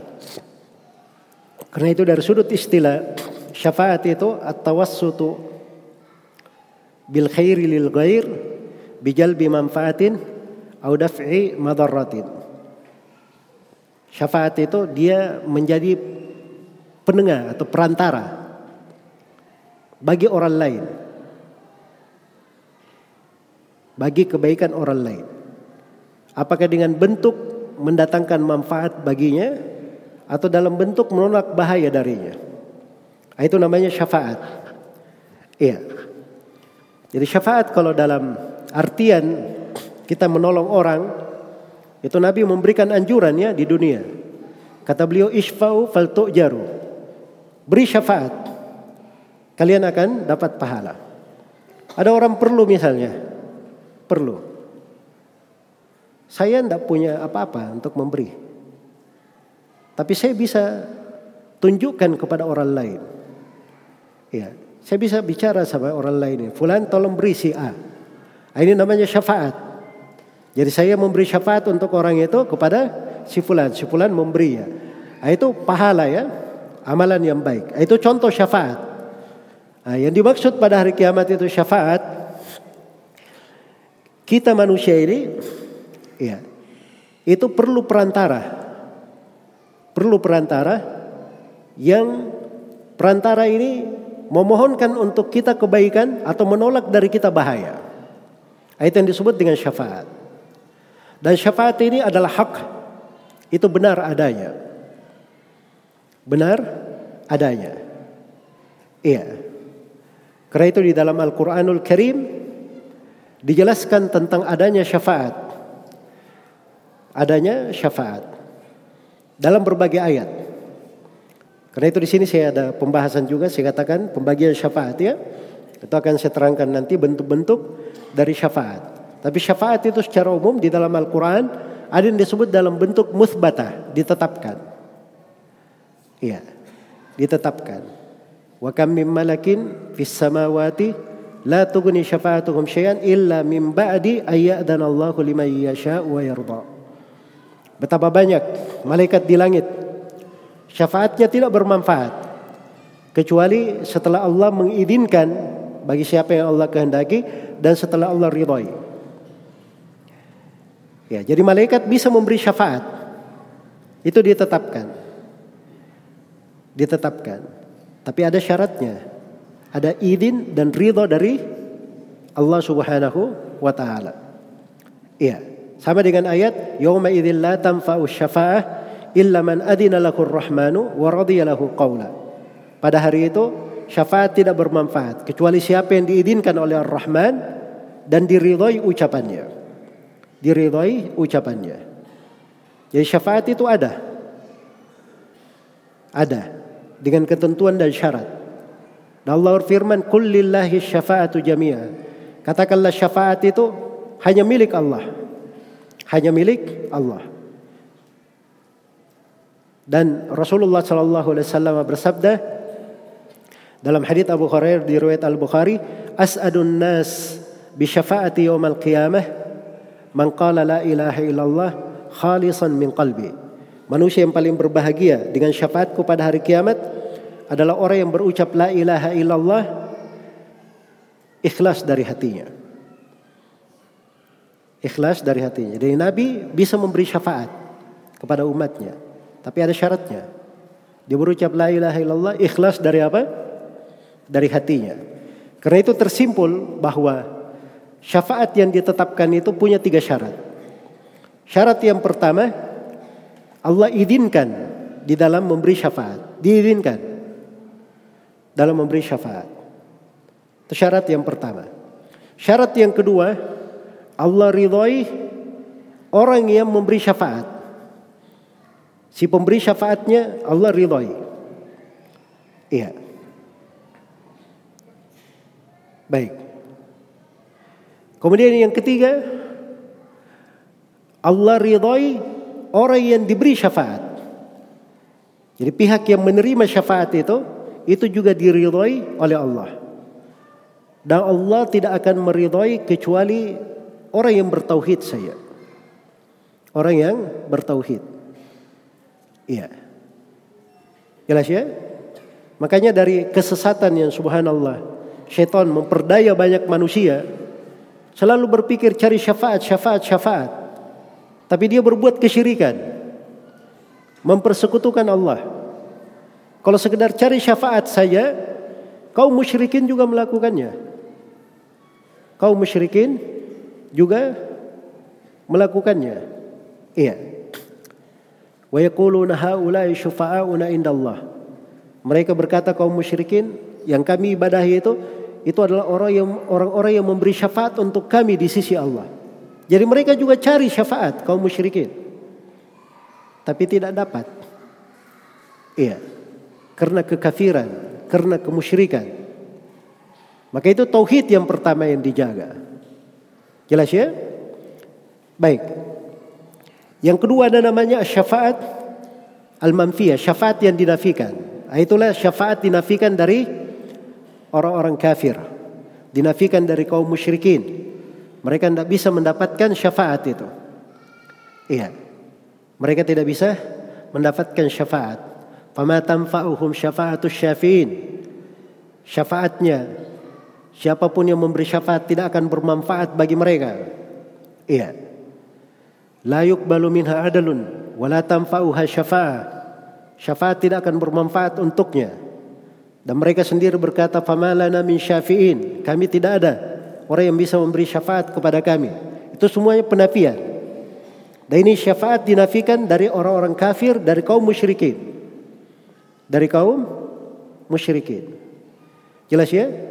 Nabi Wasallam bisa saja memberi syafaat. Allah izinkan untuk nabinya. Tapi kalau ia minta disyafaati musyrik, berbuat kesyirikan, nabinya tidak akan mungkin bisa memberi syafaat untuknya. Bisa memberi syafaat untuknya. Jadi syafaat itu tiga syarat yang kita sebutkan tadi. Baik. Itu pembahasan tentang definisi syafaat dan pembagian syafaat secara umum. Kemudian yang ketiga di sini yang ingin saya terangkan bahwa syafaat itu ada delapan bentuk. Ada delapan bentuk. Dari delapan bentuk ini ada yang khusus bagi Nabi kita Nabi Muhammad sallallahu alaihi wasallam.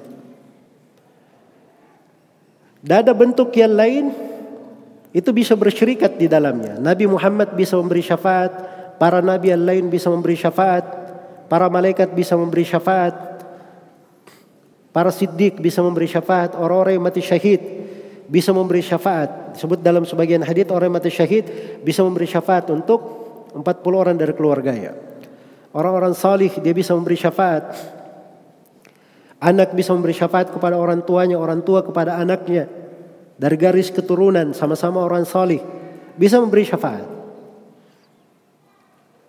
Jelas ya?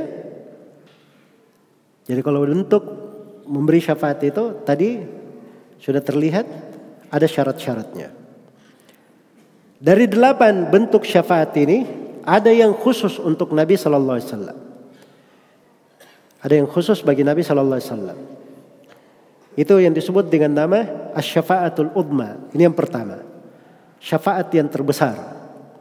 Dan ini disebut juga dengan nama al-maqam al-mahmud. Kedudukan yang terpuji untuk Nabi. Asa ayyaba'athaka rabbuka maqaman mahmuda. Itu ayatnya. Allah nanti akan membangkitkan kamu wahai Nabi Muhammad ke maqam yang terpuji. Iya.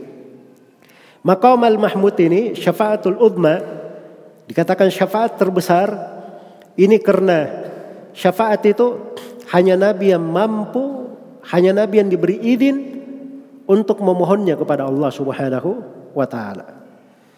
Jadi ketika seluruh manusia sudah berkumpul di padang mahsyar di kondisi yang dahsyat yang telah kita ceritakan tadi, matahari dekatkan di atas kepala. Iya, penantian yang sangat panjang Manusia dikumpulkan dalam keadaan tidak berpakaian, tidak beralas kaki, belum dihitan. Saking dahsyatnya tidak ada kesempatan untuk saling mengenal, saling melihat. Iya. Anak lari dari ayahnya. Si kedua orang tua tidak ingat kepada anak-anaknya. Teman tidak ada lagi sahabatnya yang dia ingat. Maka manusia pun mendatangi para nabi. Mereka menginginkan supaya para nabi itu memohon kepada Allah agar supaya hisab dipersegera. Segera diputuskan mana penduduk sorga, mana penduduk neraka supaya selesai penantian. Maka mereka datang kepada Nabi Adam alaihissalam. Wahai Nabi Adam engkau adalah ayah manusia. Maka Nabi Adam pun menyebut bahwa Allah subhanahu wa ta'ala pada hari ini telah murka dengan kemurkaan yang sangat besar dan tidak akan murka semisal dengannya. Eh, tidak murka sebelumnya seperti itu dan tidak akan murka semisal dengannya. Dan saya ini kata Nabi Adam saya pernah berbuat dosa. Maka beliau sebutkan dosanya terkait dengan memakan buah itu padahal sudah dilarang ini padahal Nabi Adam sudah diberi taubat sudah diampuni Nabi Adam masih mengingat itu. Kemudian Nabi Adam berkata, nafsi, nafsi, saya hanya berpikir diriku, diriku. Pergilah kalian kepada Nabi Nuh. Dia adalah awal Rasul yang Allah utus. Pergilah manusia kepada Nabi Nuh. Nabi Nuh menjawab hal yang sama. Pergilah kalian kepada Nabi apa Nabi Ibrahim. Ya, datanglah mereka kepada Nabi Ibrahim. Nabi Ibrahim menjawab hal yang sama. Datang mereka kepada Nabi Musa, kepada Nabi Isa. Tapi Nabi Isa tidak menyebut dosanya. Setelah itu Nabi Isa berkata, "Datanglah kalian kepada Nabi Muhammad sallallahu alaihi wasallam." Nah, begitu manusia datang kepada Nabi Muhammad sallallahu alaihi wasallam, Nabi berkata, "Analaha, analaha." Memang untuk saya diperuntukkan syafaat itu. Maka Rasulullah sallallahu alaihi wasallam berdiri, ya, Rasulullah sallallahu alaihi wasallam berdiri kemudian mendatangi arsy Allah Subhanahu wa taala kata beliau dibukakan untukku pujian-pujian saya hari ini belum mampu mengucapkannya Maka Nabi pun memuji Allah Subhanahu wa taala dengan pujian-pujian itu hingga Allah berfirman kepadanya, "Ya Muhammad, irfa ra'sak wasal tu'ta wa qul tusma washfat tushaffa." Wahai Nabi Muhammad, angkat kepalamu. Mintalah, kamu akan diberi. Berucap, kamu akan didengar. Dan beri syafaat, engkau akan diterima syafaatnya. Maka Nabi Muhammad pun memohon supaya hisab dipersegera. Ah, itulah di kelanjutan disebutkan dalam ayat wajah rabbuka wal malaku soffan soffa. Datanglah Rabbku dan para malaikat bersof-sof. Itu mulai hari hisab. Jadi itu disebut dengan nama asy-syafa'ah apa? Asy-syafa'atul udma. Dan ini syafaat khusus untuk Nabi kita Nabi Muhammad sallallahu alaihi wasallam saja. Syafaat yang kedua khusus untuk Nabi Muhammad sallallahu alaihi wasallam itu syafaat untuk penduduk sorga masuk ke dalam sorga.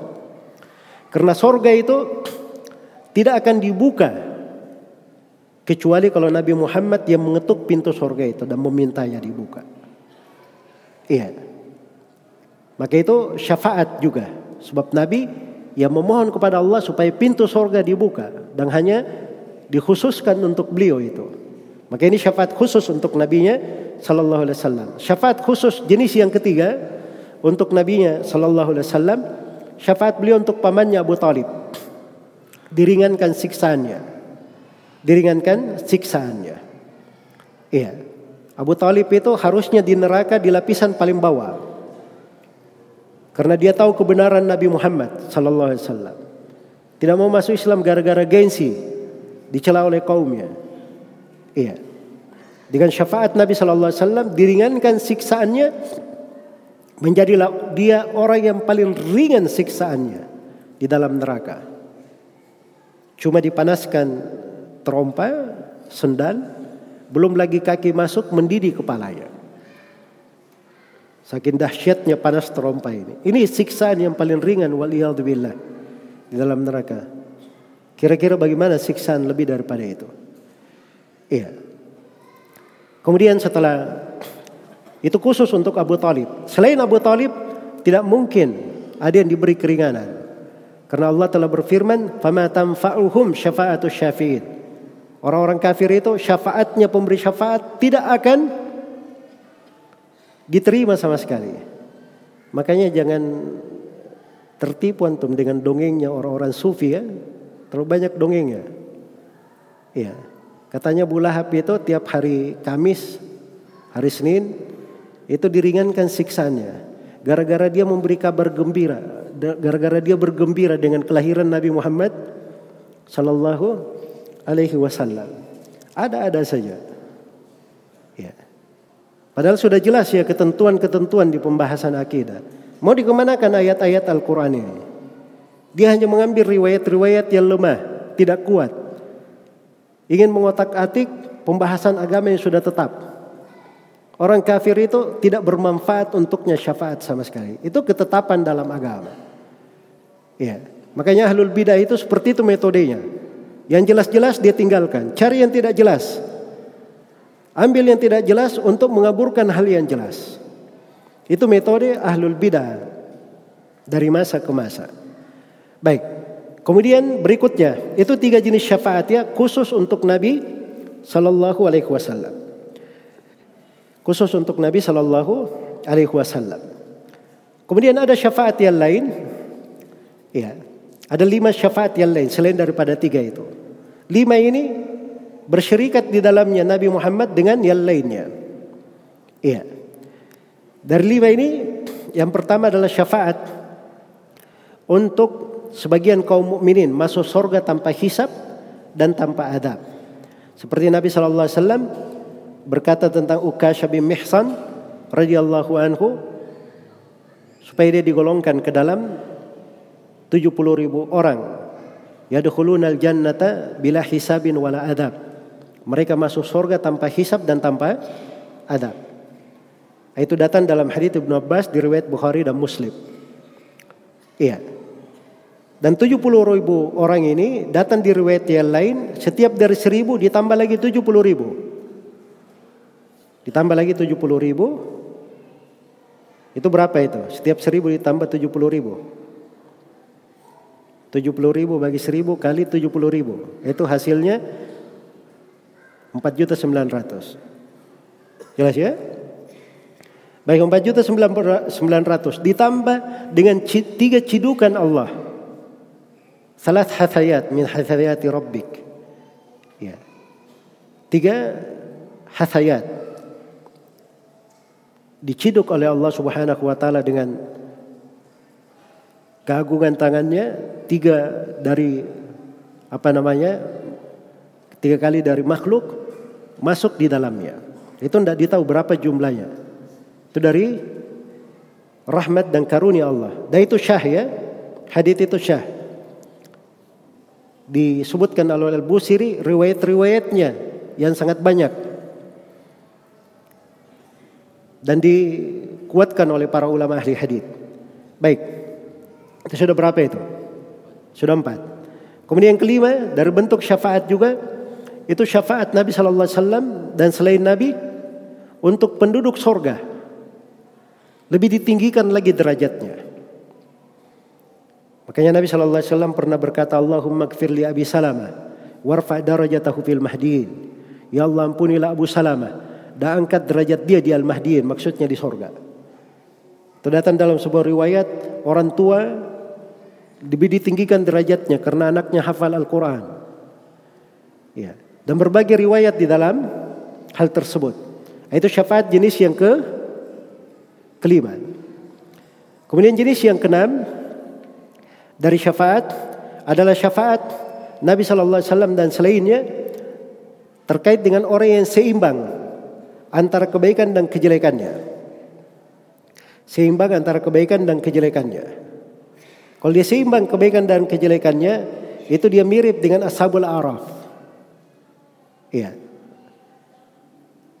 Nah pasti, tapi dengan syafaat maka dia langsung dimasukkan ke sorga. Ditambah kebaikannya dan dia dimasukkan ke dalam sorga. Itu yang keenam. Kemudian yang ketujuh dan kedelapan, ini syafaat yang diingkari oleh ahlul bidah. Yang ketujuh dan kedelapan ini. Sebab ini syafaat khusus terkait dengan pelaku dosa besar.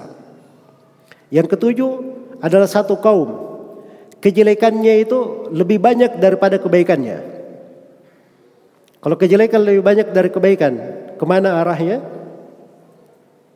Itu sudah jelas ya.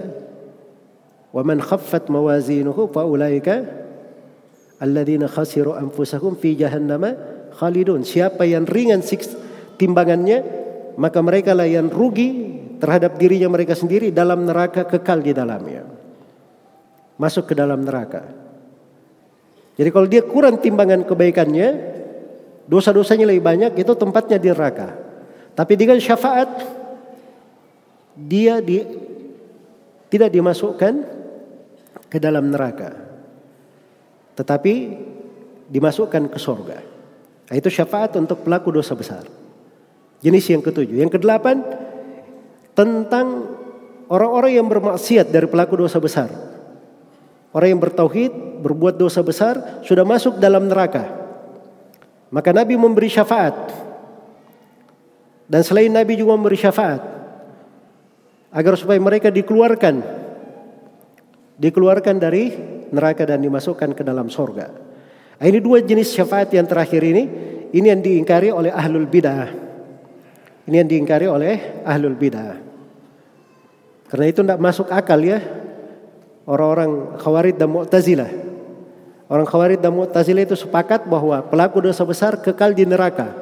Kok bisa mereka dikeluarkan dari neraka? Nah, itu kekeliruan pemahaman mereka berasal dari situ. Adapun orang yang berpegang dengan hadis Rasulullah sallallahu alaihi wasallam bersabda, dalam hadis Jabir riwayat Bukhari dan Muslim, "Innallaha yukhriju qauman minan nar bisyafa'ah." Sungguhnya Allah mengeluarkan satu kelompok manusia dari neraka disebabkan karena syafaat. Disebabkan karena syafaat. Dan di dalam hadis Anas bin Malik radhiyallahu taala anhu diriwayatkan oleh Imam Tirmidzi dan hadisnya dihasankan oleh guru kami Syekh Mukbil rahimahullah dalam kitab Syafaat Rasulullah sallallahu alaihi wasallam bersabda, "Syafaati li ahli al-kaba'ir min ummati." syafaatku aku berikan juga untuk pelaku dosa besar dari umatku. Jadi pelaku dosa besar dapat syafaat. Dapat syafaat. Baik. Jadi ini beberapa hal yang terkait dengan syafaat.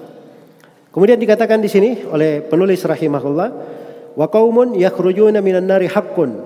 Nah, ini yang masih terkait dengan pembahasan syafaat itu tadi ya. Iya. Meyakini adanya ahli tauhid yang dikeluarkan dari neraka. Iya. Jadi ada ahli tauhid dikeluarkan dari dari neraka dengan syafaat. Itu masuk di dalam pembahasan syafaat. Dalil-dalil umum tentang syafaat. Yaitu di dalam hadis-hadis riwayat Bukhari dan Muslim diterangkan bagaimana ada orang yang sudah menjadi arang di dalam neraka kemudian dikeluarkan dari neraka dilempar ke sungai kehidupan kemudian dia tumbuh lagi lalu setelah itu dimasukkan ke dalam sorga iya makanya itu ada hadis panjangnya di Sahih Muslim itu dari Jabir radhiyallahu taala anhu tentang kisah anak muda. Sekelompok anak muda dari kalangan Khawarij. Mereka sudah mau melakukan kudeta. Tapi mereka berkata, "Tunggu dulu. Kita pergi haji dulu." Pergilah mereka haji di Mekah. Setelah haji tunggu dulu. Kita kunjungan ke kota Medina dulu. Nah, mereka undur lagi, pergilah ke kota Medina. Begitu sampai di kota Medina, dia temukan ada seorang syekh yang bersandar di tiang masjid Nabawi. Ditari oleh manusia. Ditari oleh manusia. Dan syekh ini menyampaikan hadis dari Rasulullah sallallahu alaihi wasallam. Di antaranya itu tadi tentang kisah al-jahannamiyun. Orang-orang yang sudah di dalam neraka jahanam dikeluarkan kemudian dimasukkan ke dalam sorga. Maka ini orang-orang khawarid ya, langsung bertanya kepada Jabir sebab ini meruntuhkan semua bidah mereka yang mengatakan pelaku dosa besar itu kafir. Ini buktinya ada. Dikeluarkan dari neraka. Andai kata mereka kafir nggak mungkin dikeluarkan dari api neraka. Maka akhirnya mereka pun bertanya kepada Jabir.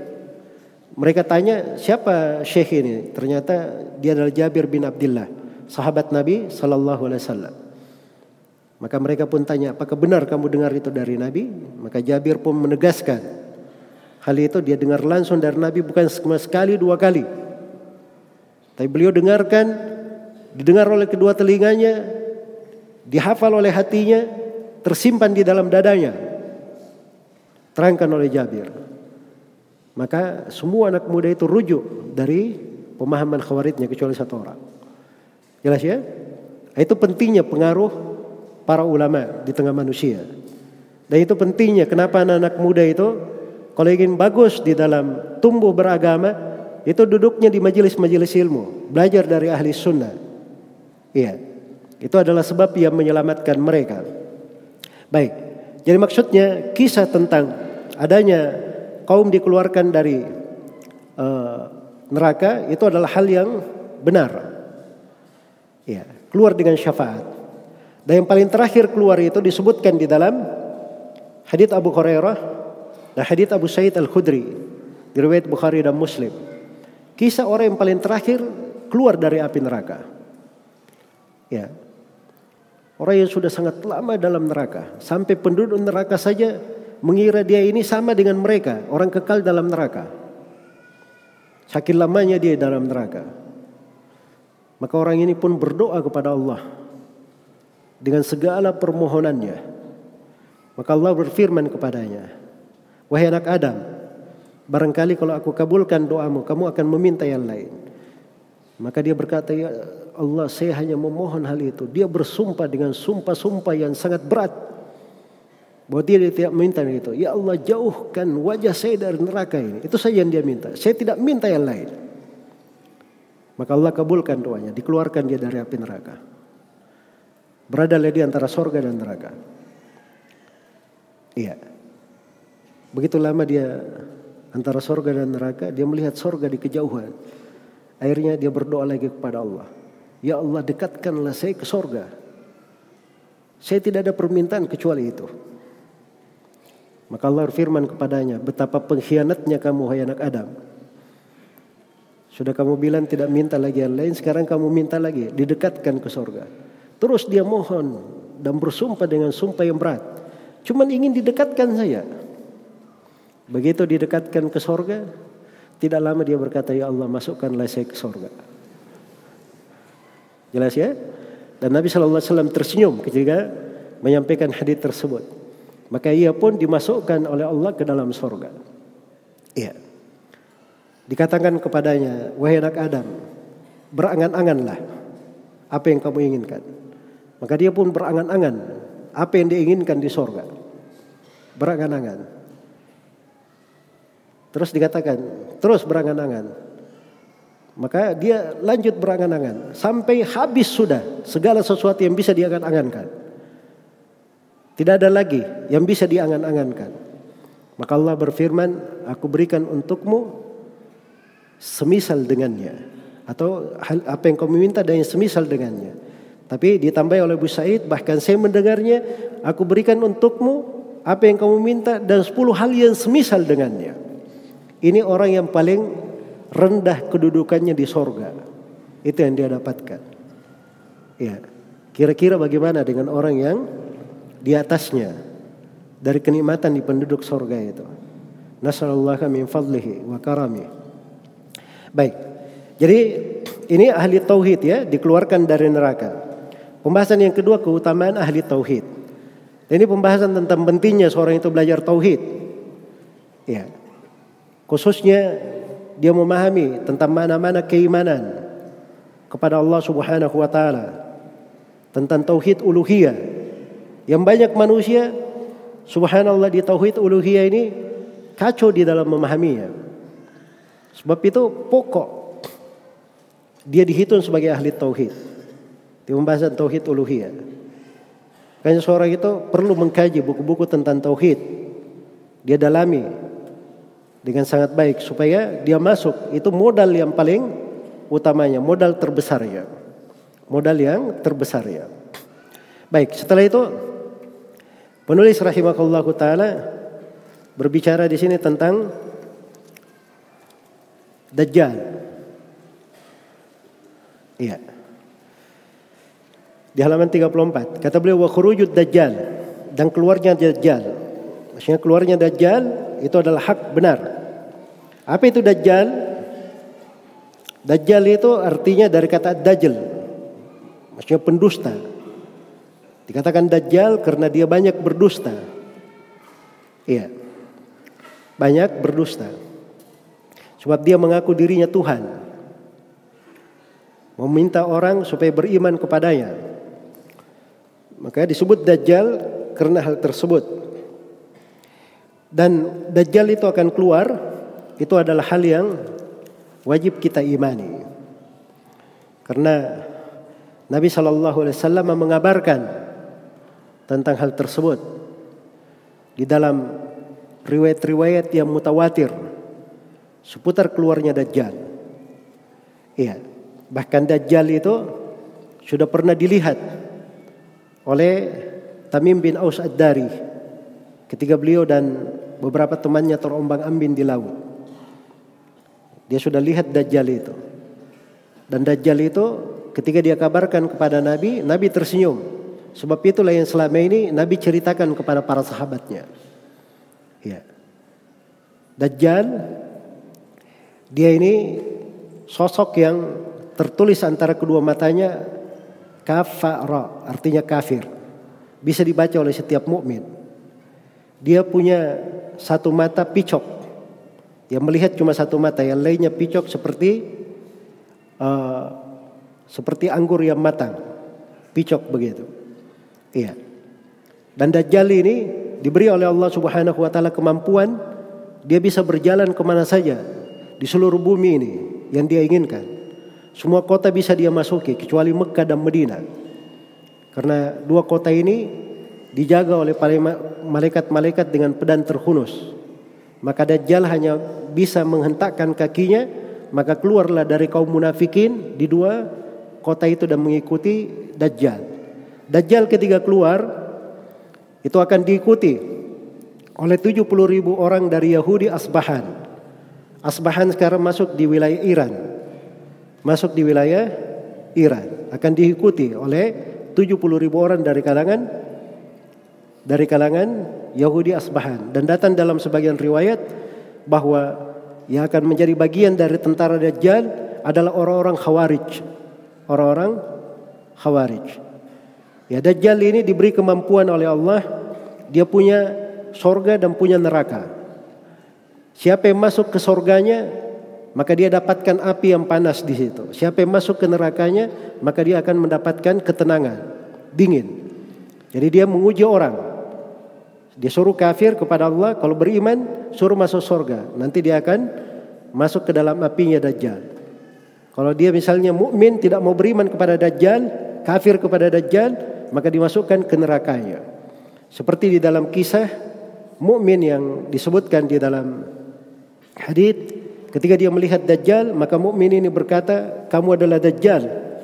Yang Nabi sallallahu alaihi wasallam kabarkan tentang kamu. Maka disuruh beriman dia tidak mau. Oleh Dajjal dibelah menjadi dua. Dajjal berjalan antara dua belahan badannya. Kemudian Dajjal berkata, "Hiduplah." Tiba-tiba orang itu berdiri lagi. Maka Dajjal berkata, "Tidakkah kamu beriman kepadaku sekarang? Aku mampu menghidupkan dan mematikan." Kata mukmin tersebut, "Saya semakin yakin kamu adalah Dajjal." yang Nabi Wasallam kabarkan tentang kamu. Maka Dajjal ingin membunuhnya lagi, tapi dia tidak mampu lagi terhadap mukmin tersebut. Nah, itu kedustaan ya. Jadi entom jangan heran kalau ada orang punya punya apa namanya yang aneh-aneh. Kalau masa sekarang orang bilang karoma ya, itu bukan bukti dia benar. Dajjal ini lebih hebat dari mereka semua. Dari sudut apa? Keanehan-keanehan. Dia bisa menghidupkan, mematikan, menurunkan hujan, menumbuhkan tumbuhan, punya sorga, punya neraka. Ya. Tapi bersama dengan itu Dajjal, kafir. Ujian terhadap manusia. Dan Dajjal ini akan dibunuh oleh Nabi Isa alaihi salam. Turun Nabi Isa nanti kemudian membunuh Dajjal. Baik. Jadi itu sekilas ya pembahasan tentang Dajjal. Maka kita yakini Dajjal itu akan keluar sebagaimana yang diterangkan oleh Nabi Shallallahu Alaihi Wasallam dalam banyak hadis dan beberapa pembahasan seputar Dajjal saya sudah terangkan. Iya. Baik, kita cukupkan sampai sini. Insya Allah Taala kita sambung di sesi terakhir setelah uh, sholat maghrib nanti atau setelah sholat isya. Subhanakallahumma wa bihamdik. Asyhadu an la ilaha illa anta astaghfiruka wa atubu ilaik. Walhamdulillahirabbil alamin.